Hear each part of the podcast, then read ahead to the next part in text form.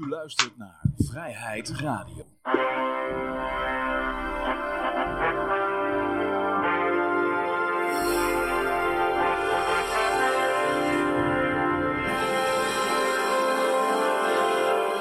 Ja, dames en heren, jongens en meisjes, dit is weer een nieuwe aflevering van Vrijheid Radio. Leuk dat je luistert. We zitten hier gezellig in Café Libertaria met op dit moment eh, Rick en Yoshi. En mijn naam is Johan. En eh, ja, we hebben misschien, ja, misschien dat er nog andere mensen bij komen. Je weet maar nooit. Maar goed, ehm, ja, en eh, goed, ja, le- Rick, leuk dat jij er ook weer bent. En eh, ja, even kijken of we nog wat officiële mededelingen kunnen doen voordat we gaan beginnen. Ehm, even kijken, natuurlijk de, LP's zoekt nog steeds mensen die ondersteuningsverklaringen willen tekenen. Ja, zeker. Ja, ja, ja. Nou ja, de, weet je, de officiële ondertekening is natuurlijk toch pas eh, tussen 4 en 29 januari hè, op het gemeentehuis. Moet je paspoort meenemen, moet er iemand bij zijn van de gemeente, et cetera. Maar eh, voor die tijd willen we eigenlijk al zorgen dat eh, heel veel mensen, nou ja, echt voldoende mensen hebben beloofd dat ze dat gaan ondertekenen. Want dan hoeven onze vrijwilligers niet in de kou voor het gemeentehuis te gaan staan om te werken. We hebben in totaal 580 nodig. Hè? Nou ja, in Nederland zijn er dan eh, op het vasteland 19 kieskringen met 30 eh, ondersteuningsverklaringen. En Bonaire hebben we er nog 10 nodig. Dus als iemand, iemand op Bonaire kent die die 10 ondersteuningsverklaringen voor de LP kan Ja. regelen, van harte welkom. Eh, stuur je mail even naar osv.stemlp.nl. Ja. Ja, dus osv.stemlp.nl. En dan is natuurlijk nog eh, 3 januari. Want, eh, 3 januari heeft de LP ook nog een leuke actie samen met Vrijheid Radio. Ja, dat wordt Ja. feest. Dan hebben we eh, de grote Bitcoin Marathon. De Bitcoin Birthday Party. Ja, wat, wat, even kijken, want de meningen verschillen no- nogal over. Hè. Sommigen zeggen dat dat eh, veel eerder was toen de whitepaper gereleased werd. Maar ja, je kan dat ook zien als Ja, de jongen, be-. En dat de geboorte, de geboorte was dan op 3 januari. Dat was toch toen Ja, de eerste. Bitcoin gemined was? ja, ja. ja. Dat is die, ja, dat is drie Ja, januari. ja, ja, ja, ja. Dus eh, we hebben al een aantal mensen eh, in ieder geval geschreven. Sommigen hebben al een soort van interesse getoond. Onder andere Naomi Brockwell, bekende crypto-journaliste. Eh, in ieder geval, ja, nog niet helemaal bevestigd of zo, alleen maar we wilden wat meer weten. Ehm, even kijken, De- van Dash komt er iemand. Dash is ook een cryptocurrency. Ehm, oh jongens, ik ben het zelf al weer vergeten. Ook Eagle, ja. Van de partij. Eh, even kijken, ik heb nog met iOS eh, wat gecommuniceerd. Eh, met, eh, nou ja, iemand die kent weer de moeder van Ross Ulbright. Die eh, gaat proberen haar er ook nog bij te krijgen. Nou, Ross Ulbright ken je wel, die zit in de gevangenis vanwege, eh, hoe noem je dat, vanwege Silk Road. Ehm, oh, we hadden nou nog meer. eh, nou, we hebben in ieder geval heel veel mensen hebben gemaild en zo. Ja. Ja, ja. Dus eh, zodoende, ja. Dus dat wordt, eh, wordt allemaal leuk. Ja. Dus dan gaan we een hele grote marathon doen. En dat is dan op 3 januari. Maar we zullen in de loop van de tijd zullen jullie op de hoogte houden. Ja, het is ook een soort benefiet voor de LP, ja, ja. ja, toch? Dat, dat, dat- ik moet even bij zeggen, het is voor de LP. En dan kunnen jullie allemaal donaties doen met cryptocurrency. En eh, ja, en er wordt ondertussen in de chat getypt, zie ik. Dus ik weet niet wie er... Oh, zal ik het even in de gaten Ja, houden? ja, het is zo, dat is... ehm, dat was eh Yoshi. Ja. Aha. Ik had, even, ik had even op wat plekken gedeeld dat ik live was, maar nou vragen ze of het in Engels kan. Ah. Ja, ja, ja. Doen vandaag lekker Nederlands. Ja, ja, ja. Eh, trouwens, ik had vorige week beloofd dat ik. eh, ehm, de, even kijken hoor, dat was de, de, de, de voorman van de Schotse LP, de Schotse Libertarian Party. Eh, zou uitnodigen. Dat is weer even een weekje uitgesteld. Dus eh, ja, misschien volgende week. Ja. Goed, eh, ja, dat is dan in het Engels. Goed, laten we beginnen met het vaste blokje goud, zilver, bitcoins en de staatsschuldmeter en de olie onder andere. Die heb ik hier op mijn neus staan. De olie staat op 46 eh, dollar. Gewoon een beetje heen en weer geswingd deze week, niks bijzonders. Ehm, dan hebben we hier nog het goud. Het goud is ietsje omlaag gegaan deze week. Staat nu op 1837 dollar en 40 centjes. Dan komen we bij de bitcoin. Nou, daar is inderdaad het een en ander over te zeggen. Eh, die hebben een all-time high gehaald deze week. Ja. Ja, een Nou, beetje. joh, in mijn boekje nog niet. Oh, joh. jouw boekje nog niet. Even kijken hoor, hij staat hier op, uh, oeh, voor mij moet ik hem heel even verversen, voor de zekerheid. Eh, ja, toch nee, staat goed. Eh, hij staat op net onder de 19.000 dollar. Staat op 18.000, oh nou, nou staat hij op 19.000 weer, dus... Ja. Maar, nee, maar nu even, heeft dat er nou mee te maken dat veel mensen de bitcoin invluchten of heeft het gewoon te maken met een bijzonder lage koers van de dollar? Ja, dat is inderdaad kip en het ei verhaal. Hè? Uh, nou ja, ze zeggen dat uh, grote beleggers, uh, hoe dat, PayPal en Grayscale, die zijn erin gesprongen. Die, koop, die zouden dan massaal bitcoins opkopen, maar ja, dat is, ja, ik weet het niet. het zou ook kunnen zijn omdat er heel veel mensen checks van 12.000 dollar in een brievenbus krijgen, terwijl ze normaal altijd minder verdienen. Ja, ja, ja. Maar dus zie je niet een toename in het aantal mensen dat, uh, dat zich op die markt beweegt. Ja, Yoshi? Nou, dat is lastig om te, om te vast te stellen, omdat het natuurlijk, deels is het allemaal anoniem. Het aantal adressen wat gevuld is, neemt wel steeds toe. Maar dat kan ook weer gewoon zijn omdat iemand steeds een nieuw adres gebruikt. Um, je kan het een beetje aflezen aan hoeveel kost een transactie. Want hoe populairder dat het netwerk is, hoe meer een transactie gaat kosten. Um, maar voornamelijk de reden dat het nu zo omhoog gaat, is gewoon omdat uh, de, ja, de, de eigenaren die nu overnemen zijn inderdaad voornamelijk grote bedrijven die uh, te veel dollars hebben staan. Of dat denken ze in ieder geval. En die denken dan nou, ik heb liever bitcoins dan dollars op mijn balans. En uh, dat zijn een beetje de, de instappers van dit moment. En persoonlijk denk ik ook dat speculeren op de Ethereum er ook nog wel iets mee te maken heeft. Maar, ja, lastig om te zeggen wat er precies... Voor mij heeft hij in ieder geval nog niet de all-time high aangetikt. Sommige platformen wezen daar wel op. Maar ja, dat zijn dan voor die platformen hun all-time high. Die hebben er een premium overheen zitten, die weet ik veel wat. Op de, op de, op de meeste beurzen heeft hij nog niet zijn all-time high. Ah, oké. Ja. Hier heb ik bijvoorbeeld uh, de Kraken heeft ooit in, in euro's 20.000 aangetikt. En nu staan we op 16.000. En dat was dan wel heel even kort in die piek. Maar zo was in, in die hele korte piek heeft hij ja, zelfs wel over de 20.000 even gestaan. Dus ja, zolang dat we onder die 20.000 hangen, vind ik dat er geen all-time high is. Didi was even te vroeg met juichen. Nou ja, die, die, die mag gewoon juichen. Die zal best wat juichen hebben. Maar, ja, die post altijd weer van die leuke filmpjes hè, met zijn familie. Ja, ik denk persoonlijk zelf dat hij op het moment een beetje in zijn, in zijn piek zit van het jaar. En dat we dus eerst nog een beetje, uh, dat we het jaar eindigen rond de 15.000 zeg maar. Dus dat verklaart dan voor mij weer waarom alle media nu op de 20.000 gaan zeggen, oh, die, die, toch weer een beetje die hype op willen blazen. Want dan, nou ja goed, hm. het is altijd lastig. Blijf speculeren. Ja, ja, Pieter Schiff, uh, onze bekende goudfanaat, die had een, uh, ook nog een, leuke complottheorie. Uh, hij dacht dat, want hij was in het programma uitgenodigd van CNBC. En die, dat programma heeft Grayscale als sponsor. En hij zat ja, zijn bekende bitcoin rent te houden, dat het allemaal een bubbel is en noem maar op.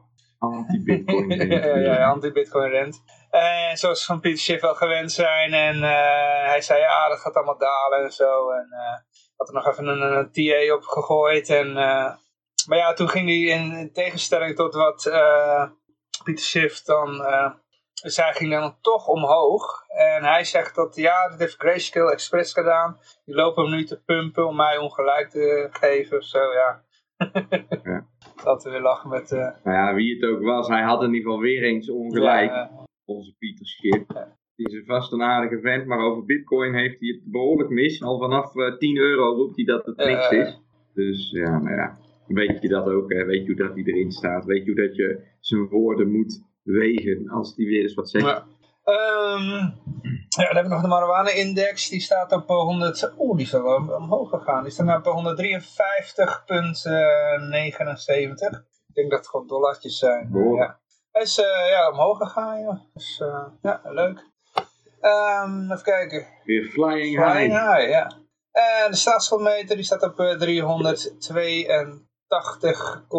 eh, ja, 8 miljard in het rood. Even afgerond. Nou, dat is nog steeds niet bijgewerkt. Nee, die, nee, uh, klopt, klopt, klopt. De, de, het steunpakket van de, van de overheid die, die loopt inmiddels richting de 100 miljard, als ik me niet vergis. Ja, dat, het, eh, dat doen ze pas waarschijnlijk na de verkiezingen. is het een overheidsmeter? Ja, ja, hij is geopend ook door Mark Rutte, hè? Die, en dan zie je ook, het filmpje staat er misschien ook nog bij, bij de, de nationale staatsschuldmeter.nl. Dan zie je ook dat, Ja, ja, eh, dat, eh, dat Rutte hem eh, feestelijk opent. Toen stond hij nog op iets van 2 mil- 200 miljard of zo. Ja. Daarna is hij dus prim- Ja, hij, Ja? Was, hij was inderdaad zo mooi in het dalen de afgelopen jaren, toch? Dat was echt prachtig. Hij heeft ooit wel eens op 500 miljard Ja, gestaan, bijna, ook in die bijna, tijd. Dat, bijna. Ja, precies bijna, ja. Maar dat, eh, dat er zoveel verkwanseld was. De VVD heeft het aardig omlaag geholpen. Ah. Dat is natuurlijk onverguisd geraakt. En de VVD doet heel veel foute dingen, maar daar zijn ze aardig goed in geweest. ja, maar heb- toen eh, Rutte begon was hij nog echt 200 miljard. En hij is daarna ja, ja. echt ver- verdubbeld. Of ja, 200 nog wat miljard. Hij is bijna verdubbeld toen. Ja, maar dat was het dat eh, kabinet met, met Wouter Bos, of niet? Ja, ja, de eerste was met, inderdaad met PvdA, ja. ja. Ja, ja, ja. Maar goed, ja, we gaan even naar de, de bericht toe en dan gooi je meteen de Godwin jingle erin. Dus eh, mensen die er, eh, sorry, mensen die er niet tegen kunnen, eh, doe even je oortjes dicht. Hier komt ie. Eh, Eh, de- hoppa. Oh, fuck, wacht even hoor. Ctrl G. Hoppa, daar is hij hoor. Dat is ziek idee. Want eh, we hebben een Godwin berichtje. En het gaat nou niet over de echte eh, Adolf Hitler, maar eh, over een... eh, ah, het is wel een echte Adolf Hitler. Ja, het is wel zijn echte naam. Ja, ja, ja, ja, maar niet, niet, Ja. niet Snorremans. Het gaat om de, de Nee. Adolf Hitler van Nairobi, want die heeft daar de verkiezingen gewonnen. Ja, vol, voluit. Adolf Hitler Oenona. Ja, hè? ja, ja. ja. Nou, hij heeft de verkiezingen gewonnen in een provincie in het noorden van Namibië. ja, ja. En hij is niet uit op werelddominantie, dus... eh zou Nee, bij... maar een bullshit. Nee, maar zo mooi, het is zo mooi. Dat hadden we het nog met Johan net even over. Hoe komen mensen dan op om iemand zo te noemen? Maar er staat erbij, zijn vader vond Adolf Hitler wel goed klinken. Dus gaf hij deze voornaam aan zijn zoon. Het is een soort van, ja, talisman. Soort van, eh, je geeft een bepaalde naam eraan. Nu Bijvoorbeeld Stalin zijn ook bepaalde mensen genoemd, dat Johan het al over heeft. En dan, en dan, ja, dat straalt kracht uit en, eh, en leiderschap en dat soort dingen, weet je. Dus om de een of andere reden is dat toch populair. Ja. Zo is er ooit, eh, nou, dat is volgens mij nog steeds wel. Heb je in, eh, ik meen Zuid-Korea, heb je bepaalde Hitlerbars. Die, die zijn ook met hakenkruisen Ja. en, eh en nazi-pakken en alles. Dat is gewoon cool. Ja, daar kijken we in Europa een beetje anders tegenaan. Maar, eh, maar buiten Europa dat heeft Hitler af en toe wel eens een beetje namen waarbij we met onze wenkbrauwen gaan fronsen. ja, eh. ja. Ja, ik heb, in de, ik heb vroeger op een asielzoekerscentrum gewerkt en dan hadden we iemand eh, rondlopen die heette Stalin van de voornaam. Die kwam uit Nigeria geloof ik. Ik vroeg, vroeg ook van, eh, waar- waarom heet je zo? Ja, ja mijn vader zei, eh, dat was een sterke man. En als hij mij zo zou noemen, dan zou ik later een sterke, sterke man worden. Ja. Ja. Hier in het dorp hebben we ook een Hitler. Ja? Dat is een voornaam. Oké. Ja, Ja, Oké. Hitler Jovanovic. Ah, ja. Oké. Het is toch apart, hè, om er maar even aan te geven hoe de soort van het, het idee dat het heel normaal is om, eh, om je kind niet zo te noemen, dat dat niet overal leeft. Ja. dus dat mensen ook wel anders tegen zo'n ding kunnen aankijken. Maar kan hij wel een Facebook-account krijgen eh, met zo'n naam? Dat weet ik niet, want ik, ik zo goed de heer, ken heer niet. Die H. meestal worden er al afgegooid als je daar eh, gewoon een portretje van Hitler laat zien of zo, met die naam. alleen, Ja, Ja, ja, ja. ja. Eh, goed. maar dit is eigenlijk alleen maar een beetje voor de lol, eh, dit berichtje. Eh, Binnenkomen. ja, wat, het volgende bericht is wat, eh, wat serieuzer.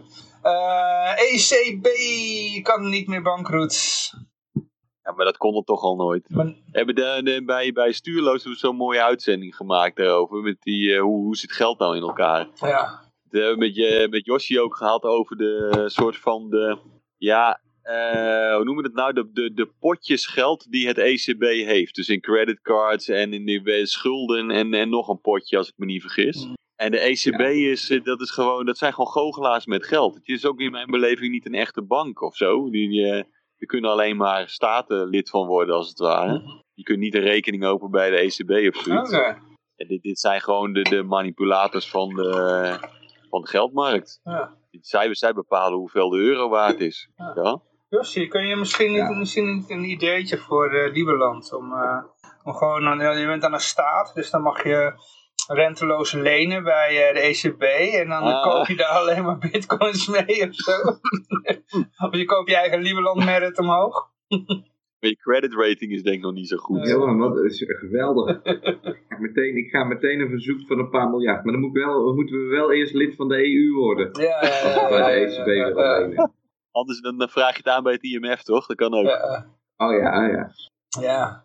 Nou ja, in ieder geval... ze- Maar dit is. Overigens, eh, die negatieve rente geldt niet voor elk land. Hè? Dat is niet Nee, dat zeg land. ik. Je moet er een bepaalde credit rating hebben, inderdaad. Ja. Voor Nederland en Duitsland geldt dat inderdaad, maar bij allerlei andere landen in Europa niet. Dat is waarom al die andere landen, we hebben het toen ook over gehad, zo ongelooflijke fan zijn van de eurobonds. Want dan worden hun schulden ineens eh, eh, minder waard. Goedkoper. Ja. Goedkoper. Ja, de betalen is goedkoper af. Ja. Ja. Ja. ja, precies. Ja, nou ja. Ik heb maar net, voor, de, voor de uitzending heb ik deel 4 van Arno Wellens een uiteenzetting van de Duitse Bank bekeken. Uh, Ja, hij heeft weer een leuk verhaaltje ervan gemaakt. Maar ja, het is herhaling van zetten. Hè? Zolang de mensen blijven accepteren dat de euro hun geld is, ja, kunnen ze doorgaan met het spelletje. Zo simpel is het. Ja. het wordt gewoon aan je opgedrongen als het ware, toch? Nou ja, maar dat zeggen sommige mensen ook van die verzekering. En daar kun je ook onderuit komen, weet je wel. Ja, dat, dat klopt, maar dan ben je alsnog niet heel erg voordelig uit, want je mag dan ook geen enkele verzekering afsluiten. hè? Ja, dat klopt. Ehm, nou, je moet het nog zo erbij zien. Eh, eh, eh, inderdaad, de euro wordt je in heel veel manieren van je opgedrongen. Maar je moet proberen om toch zo een deel van je economie erbuiten te gaan plaatsen. Want ja, we kunnen het er weer over hebben. Maar hoeveel euro's zijn er dit jaar weer niet bijgedrukt? Ah, Eh, op Nou, de lange termijn heb je wat eh, anders nodig. Het is heel mooi wat eh, die Christine Lagarde van de ECB daarover zegt. Hè? Dus per definitie kan, kan eh, de ECB niet bankroet gaan of, of zonder geld komen te zitten. Want, eh, eh, want ze kunnen gewoon geld bijdrukken. Dat zegt ze letterlijk zelf. Ja, hè? ja. Nou, dan maken we gewoon geld bij en dan hebben we geen tekort meer. Dat zou ik ook wel willen. Want ik denk, ach jongens, mijn bankrekening is wat te klein. Laat ik eens even wat geld erbij zetten. Dan bel ik mijn bank op en dan zeg ik, jongens, het, mijn saldo is te laag. Doe er maar 10.000 bij. Weet je? Ja, oké meneer Kleinsmit. Ja. Ja, maar hoe, hoe, hoe, Ja, maar hoe zo- gaan mensen om met geld als je eh, weet dat je toch eh, eindeloos erbij kan gooien? Ja, dat zie je aan de overheden, toch? Is, ik hoor het die vent van, de, nou hoe heet die man nou ook alweer, van eh Wopke Hoekstra, ja, van de Financiën nog zeggen. Die zei van, eh, ja, iedereen moest dan natuurlijk geld hebben, hè, want de overheid had maatregelen uitgevaardigd waardoor alle bedrijven dicht moesten gaan. Toen zei hij van, eh, ja, de zakken van de overheid zijn diep. ik denk, nee, de zakken van de overheid zijn helemaal niet diep. Jullie lenen gewoon een hele bak geld bij. ja. En het is bij, bij toeval dat Nederlandse bedrijven het zo goed doen, dat je dus eh, dat je zo goedkoop kunt lenen. Nou, dat, is meer, dat heeft niet eens zozeer met het succes van de Nederlandse bedrijven te maken, maar wel met de efficiëntie waarmee dat de Nederlandse Belastingdienst de belastingsschulden kan innen. En de manier waarop wij dat dus heel erg nauwkeurig voor elkaar krijgen om iedereen zijn belasting te laten betalen. Want dat is bijvoorbeeld wat, eh, wat er aan schort in Italië en, en Griekenland. Die, die, die schrijven op papier wel een, een factuur voor de gemeentelijke belastingen. Maar er is niemand die hem betaalt, snap je? En, en dat, eh, dat is het grote verschil waarom Nederland zo laag zit in rente en dus zo hoog aangeschreven op die kredietmarkt. Omdat wij, of omdat Nederland heel efficiënt zijn belasting int. Ja. Dus eigenlijk is het gewoon een, eh, een, eh, een teken van falen dat je zo'n zo'n hoge credit rating hebt. Nou, een Dan heb je gewoon heel veel mensen. van compliance met het systeem in ieder geval. Ja, ja, ja, nou ja, dat weet ik niet. Ja, compliance misschien ook wel gewoon eh, onder dreiging met geweld, hè? Als je geen belasting betaalt, dan kom je in de cel te zitten als je dat blijft volhouden. Ja, maar de, die dreiging heeft iedere overheid. Hè? En, en hoeveel mensen in Nederland komen er nou echt in de cel voor het, voor, voor het niet doen van belastingaangifte? is heel laag. Dus het is meer dat wij gewoon heel over de tijd heen gewoon hele brave belastingbetalers zijn gebleken. En daar heb je dus ook of, voordeel of, van. dat de of dat de economie zo groot is, dus inclusief zwarte, zwarte economie, dat het niet zo gek veel uitmaakt als je aan het witte geld eh, die hoeveelheid belasting kwijt bent. Hm. Ja, ja, las- lastig, lastig, lastig Ja. om dat te zeggen. Maar ja. laat ik het anders zeggen. Als een goed bedrijf in een ander land eh, beter onze belastingverplichtingen uit weet te komen, dan gaat het uiteindelijk ten laste van de, van de creditscore van dat land. Want die kunnen dan niet zo goed die belasting innen en dus ook minder goed lenen. Dus dat is meer wat erachter zit, is dat het land heel goed, of dat het land met lage, uh, uh, uh, lage rentes, die kunnen heel goed ervoor zorgen dat de mensen dus hun schulden aflossen.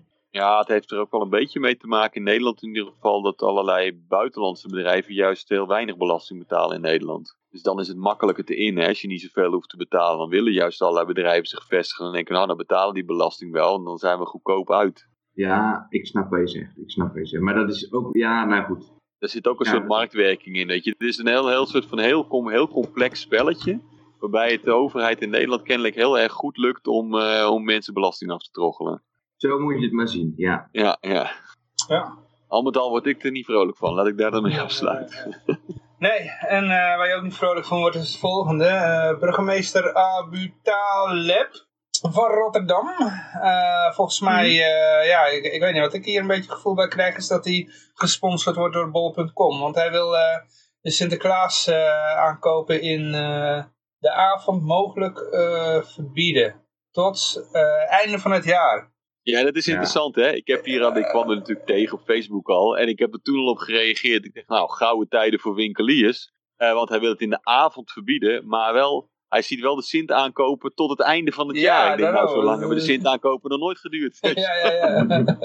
ja, dit, Dus dat lijkt me een geniaal plan. ja. Nee, maar hij, hij schijnt er alweer een beetje op Ja, ja, teruggekomen ja, te ja, zijn, ja, ja, begreep ja. ik. Omdat er nogal wat kritiek op kwam. Ja. Mensen hebben me uitgelegd Ja, dat... En- mensen en- gaan toch... Mensen hebben me uitgelegd dat Sinterklaas tot 5 eh, december duurt. Of, eh, Eh, nou, maar PostNL die, eh, die kon de hoeveelheid pakjes al niet meer aan. Dus die moesten ze dan laten liggen bij de aanbieders. hm. Zo hard gaat dat ook allemaal niet met die bol.com, zullen we zeggen. Ja.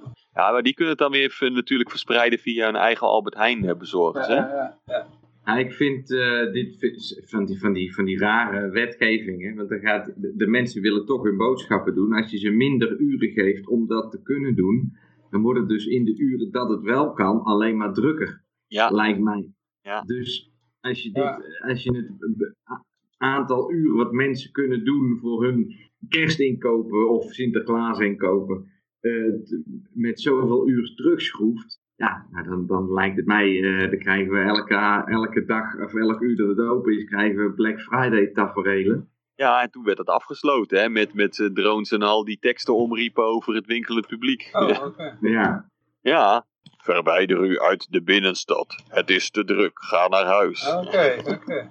Ja, heb je dat filmpje niet gezien? Nou, de mensen die geïnteresseerd zijn, zoeken ze op op YouTube. Dat was echt, eh, ja, zo'n 1984 tafereeltje, weet je. Dat, eh, dat zo'n zo'n machine door de straten rijdt met een, eh, met een megafoon erop die mensen oproept tot zich gedragen. Ja. Ja. Ja. ja, dus ja, wat er echt achter zit, dat weet ik niet, maar met, met, ge- met, met gezondheid heeft het weer weinig te maken in ieder geval. Het Dus, heeft met eh, het aanzien van Abu Talib te maken. Die krijgt het op zijn bord dat, eh, dat er zoveel winkelend publiek is. En dat wil hij niet. Dus neemt hij een maatregel, ook al is het compleet zinloos. Maar dan lijkt het alsof hij wel doet. Ja. Ja, je moet als de burgemeester altijd daadkracht tonen. Ja. En nou, achteraf dan zeg je... Ja, ja, het is niet gelukt, want het winkelend publiek heeft zich niet aan de maatregel gehouden. Ja. Ja, dat had je van tevoren kunnen weten. Maar hij doet dan net alsof je dat niet had kunnen weten. Ja. En wat hij ook doet is, hij, eh, hij heeft het nu weer een beetje afgezwakt. Maar dat is ook een trucje. Hè? Je doet eerst, eh, want je kan zeggen van, eh, want volgens mij is het nu tot zes uur mag je nog naar binnen en dan zeven uur moet je er- eruit zijn. Ik noem maar even Ja, een tijdstip. dus het halve soort, soort, soort proefballonnetje. Maar ze hebben nu een beetje afgezwakt. Maar wat je eerst doet, is je doet eerst een veel eh, strenger voorstel. Dan zeggen mensen, ah nee, dat, kan je niet maken, dat kan je niet maken. En dan doe je zeggen, nou ja, dan doen we dit toch? Ja, Terwijl als, en dan zijn mensen blij dat je de Ja. maatregelen hebt afgezwakt. Ja, Ja, terwijl als jij had gezegd van, nou jongens, we gaan tot, eh, jullie kunnen maar tot zeven uur hebben boodschappen doen. Dan was iedereen van, eh, potverdorie, dat kan je niet maken. Dan zeg je eerst van, nou ja, het was tot, dan doen we tot acht uur. Ja, dat is veel te- ja, Ja, oké, dan doen we slim. zeven uur. ja, is- Dan lijk je, dan lijk je de gullegever, inderdaad. ja, Ja. Ja, goed. Nou ja, eh, ja wat, ik, weet, ik weet ook niet wat hij ermee wil bestrijden. Want ja, inderdaad. eh, Nee, nee, hij wil gewoon zijn eigen, zijn eigen gezicht redden. ja, maar je creëert eigenlijk gewoon een bottleneck. Ik had het toen ook een keer met Ja. zo'n eh, winkelier hier erover. Van toen eh, mochten geloof ik de winkels nog maar tot 8 uur open s'avonds. Niet meer tot 9 uur. En toen zeiden ja, ja dit wordt, ik heb altijd de, dezelfde mensen s s'avonds. En nu heb ik hier dus, er zijn ongeveer 100 man. En die komen nu in 2 uur in plaats van 3 uur. Weet je wel? Mhm. Dus die, eh, ja, dan wordt het eigenlijk alleen maar voor in mijn zaak. Nou ja, maar je zou wel kunnen zeggen van dat is voor die winkelier alleen maar voordelig, want dan hoeft hij zijn personeel nu minder uit te betalen. Mm, Ja, nee, dat ook weer niet. Want hij heeft zoiets van, dat hij bang dat de winkel te vol is en dan komen van die boa's langs. Die gaan allemaal... Ja, dat is, nu, dat is nu zo, maar voor de toekomst zou het dan dus kunnen betekenen dat als hij tot 8 uur open blijft, ja, dan zou iedereen dat moeten doen, want anders gaan ze naar andere winkels na acht uur. Ja, ja. Oké, ja maar eh, het is nog niet voorbij met de coronamaatregelen. We hebben hier eh, nog een paar. nee, natuurlijk niet. Nee, het houdt niet op, niet vanzelf. Ehm, hier hebben we nog eentje. Oh, jezus, grapperoos weer. Ik zit hier momenteel in een weekend lockdown. Om vijf uur zijn alle winkels dicht en die blijven dicht tot en met maandag. Oké. Oh, Ja. Nou ja, op zaterdag waren hier altijd al de winkels om 5 uur dicht, zo ongeveer, behalve bepaalde uitzonderingen. Maar Maar ja, nu is dat dus is de hele vrijdag is het dicht. ja, Of vrijdag. hele ah. zaterdag. Ja, het is vrijdag vandaag. En morgen en, Ah. zondag is alles dicht. Ah, oké. op, zon, op zondag is Ja. corona actiever of zo? Ik weet het niet, Johan. Maar twee dagen pauze, dat helpt ook niet. Want dan zou je twee weken pauze moeten houden, toch volgens de verhalen. En dan neem je Ja. eh, twee weken in quarantaine. Ja. Nou ja, en eh, nu ook, eh, corona heeft een hele zwaar, gaat een hele zware klap krijgen. Want dan, eh, weet je wel, zo'n coronadeeltje, dat dwaalt dan rond en zo. En dan in één keer Ja. ziet hij, potverdorie, minder parkeerplaatsen. Nou, eh, dan ga ik maar uitsterven. Ja, minister, eh, die, heeft een, ja, die, die gooit weer een nieuw, eh, nieuw wapen in de strijd. Minder parkeerplaatsen om virus te beteugelen. Dat moet je me even uitleggen hoor. Oh ja, maar dat is toch niet zo, niet zo lastig. Hè? De redenering is volgens hun dat er dan minder mensen naar, eh, naar de stad komen. Want je kunt niet parkeren, dus dat is ongemakkelijk, dus kom je maar Dan niet. kom je met z'n allen met het Dat openbaar vervoer. Dus. Ja, want daar zitten toch al te weinig mensen in. Weet je, er was al klachten. Oh, ja, dat zou ook nog kunnen inderdaad. Eh, Ja. Overvolle Ja, bussen. of ze komen lopend of, of op de fiets, of ze gaan met veel meer mensen in één auto, Ja. wat dan het probleem eigenlijk alleen maar verergert. Ja, zou het niet kunnen zijn dat bol.com deze, dit, dit, dit eh, wetsvoorstel mogelijk heeft gemaakt? Ja, hoe was het nou toch ook weer? We hebben ooit wel eens eh, zo'n hele lijst gemaakt met bedrijven die, eh, die er voordeel bij zouden kunnen hebben dat, eh, dat er corona was. ja, ja, ja. Waar, waaronder Netflix bijvoorbeeld, en dat mensen dan veel meer thuis gaan zitten om Netflix te kijken en zo, dat soort dingen. De, de, de, het ver- het verdenken van bol.com valt een beetje voor mij in die categorie. ja, eh, ja. er zijn natuurlijk ook gewoon winnaars. Hè? De, Bol.com is er zeker één van. Ja, Zoom is er een van. Ja, stukken beter. Maar wie had voor de coronacrisis überhaupt ooit van Zoom gehoord? Ja. Maar ik had er wel eens mee gewerkt. Oh, ja. ja. Oh, maar wat ik nu ook zie, dat vind ik wel interessant, is even een beetje off-topic. Eh, maar die burgemeesters zijn verdeeld over die aanpak van Vert Grapperhaus, hè? Ja? Eh, waaronder burgemeester Sibrand Buma van Leeuwarden. Oftewel, de, de oude leider van het CDA is inmiddels eh, burgemeester in Ja, klopt, Leeuwarden. klopt. Ja, ja, ja, daarom is ook... eh, Ja, nou, nee, nee hij, hij zegt juist dat het noorden wel met het huidige landbouwpakket uit de voeten kan. Ah, Oké. Ja. Ja. ja. Ehm, kijk hoor, ja, je, je, je, je hebt verder niks meer over te zeggen? Nee, ik heb niks meer over Vert te zeggen. Nee, Dit, nee, eh, nee, nee. die zwijg, die zwijg ik, verzwijg ik liever. Ja. Ehm, nee, ja, dan hebben we er nog eentje. Eh kijk hoor. Ja, ja maar. Dat, dat nog, ik vind het nog steeds een raar, raar iets. Ik zit nog steeds een beetje af te vragen wat er gaat er in, in, tijdens een vergadering mis. Dat ze dan steeds met dit soort plannen komen. Heeft dan niemand Ja, daar bij, maar- bij, bij zo'n- als, ze- als ze over dit voorstel aan het eh, bomen zijn, dat, iemand, dat er eentje bij zit van, ja maar jongens, daar krijgen we toch overvolle bussen. Jij bedoelt eh, bij de, in de Tweede Ja, Kamer? ja, ja. Jawel, jawel. Ja, als je, eh ehm, hoe heet die vent nou weer, Wieberen van Haga, die zegt al dat soort dingen wel. Oké. Bij FVD, FVD zeggen ze dat soort dingetjes ook wel. Ja, maar dat zijn juist de partijen Eh, waar alleen- niemand naar wil luisteren, omdat dat eh Nee, ja, fout precies. is. Die zijn, die zijn al zwaar, zwaar in de minderheid. Ja, Eh, en, maar het is ook zo, je, dat hebben we wel eens eerder over gehad. Dus je moet dus bedenken wat voor motivatie mensen hebben die in de Tweede Kamer willen komen te zitten. ja, Die hebben de motivatie dat ze andere mensen willen vertellen wat ze moeten doen. ja. Nou, dit is nu typisch zo'n moment waarop je je kans gewoon kunt zien om andere mensen te gaan vertellen wat ze moeten doen. Ja, ja, ja. En hoe meer, hoe meer, hoe beter. Weet je. Het zijn, eh, het zijn best wel eh machtsgeile mensen die daar zitten. En Dus, is dat heel triest. dus gewoon echt uh, machtsgeilheid is de motivator. Voornamelijk wel. Weet je, en dan kun je natuurlijk dat, dat verbergen achter allerlei hobby's die je persoonlijk hebt. Weet je, je denkt, nou, ik vind onderwijs heel belangrijk. Dat is D66, et cetera, et cetera. En allerlei partijen die hebben een hobby. Eh, maar dat betekent niet dat je, dat je begaan bent met, wat, met de mensen in het land. Je kunt wel het idee hebben dat je mee begaan bent, maar dan eerder vanuit een soort projectie van je eigen beeld van hoe de, hoe de samenleving in elkaar hoort te zitten. Ja. Er wordt, er wordt niet aan mensen gevraagd of ze dit leuk vinden. Ja. Sterker nog, heel veel mensen geven aan dat ze het niet leuk vinden en toch wordt het doorgedouwd. Ja, Ja. ja, dan is het van, ze moeten niet zeuren of zo. ja, jongens, eh, maar wij zijn niet de boeman, het virus is de boeman. Ja, Weet je wel? Een beetje de, de Rutte-houding. ja. En, en, en, Ondanks en, allerlei, de allerlei wappies. mensen die de beste kansen hebben. Wat zei En de wappies. De wappies, ja. Ja, de mensen die zich niet aan de maatregelen houden, die hebben deze problemen veroorzaakt. Die zorgen ervoor dat wij met z'n allen nog langer de maatregelen moeten aanhouden. Ja. Ja. Ik vind het wel een leuke naam voor een band, de, de Wappies.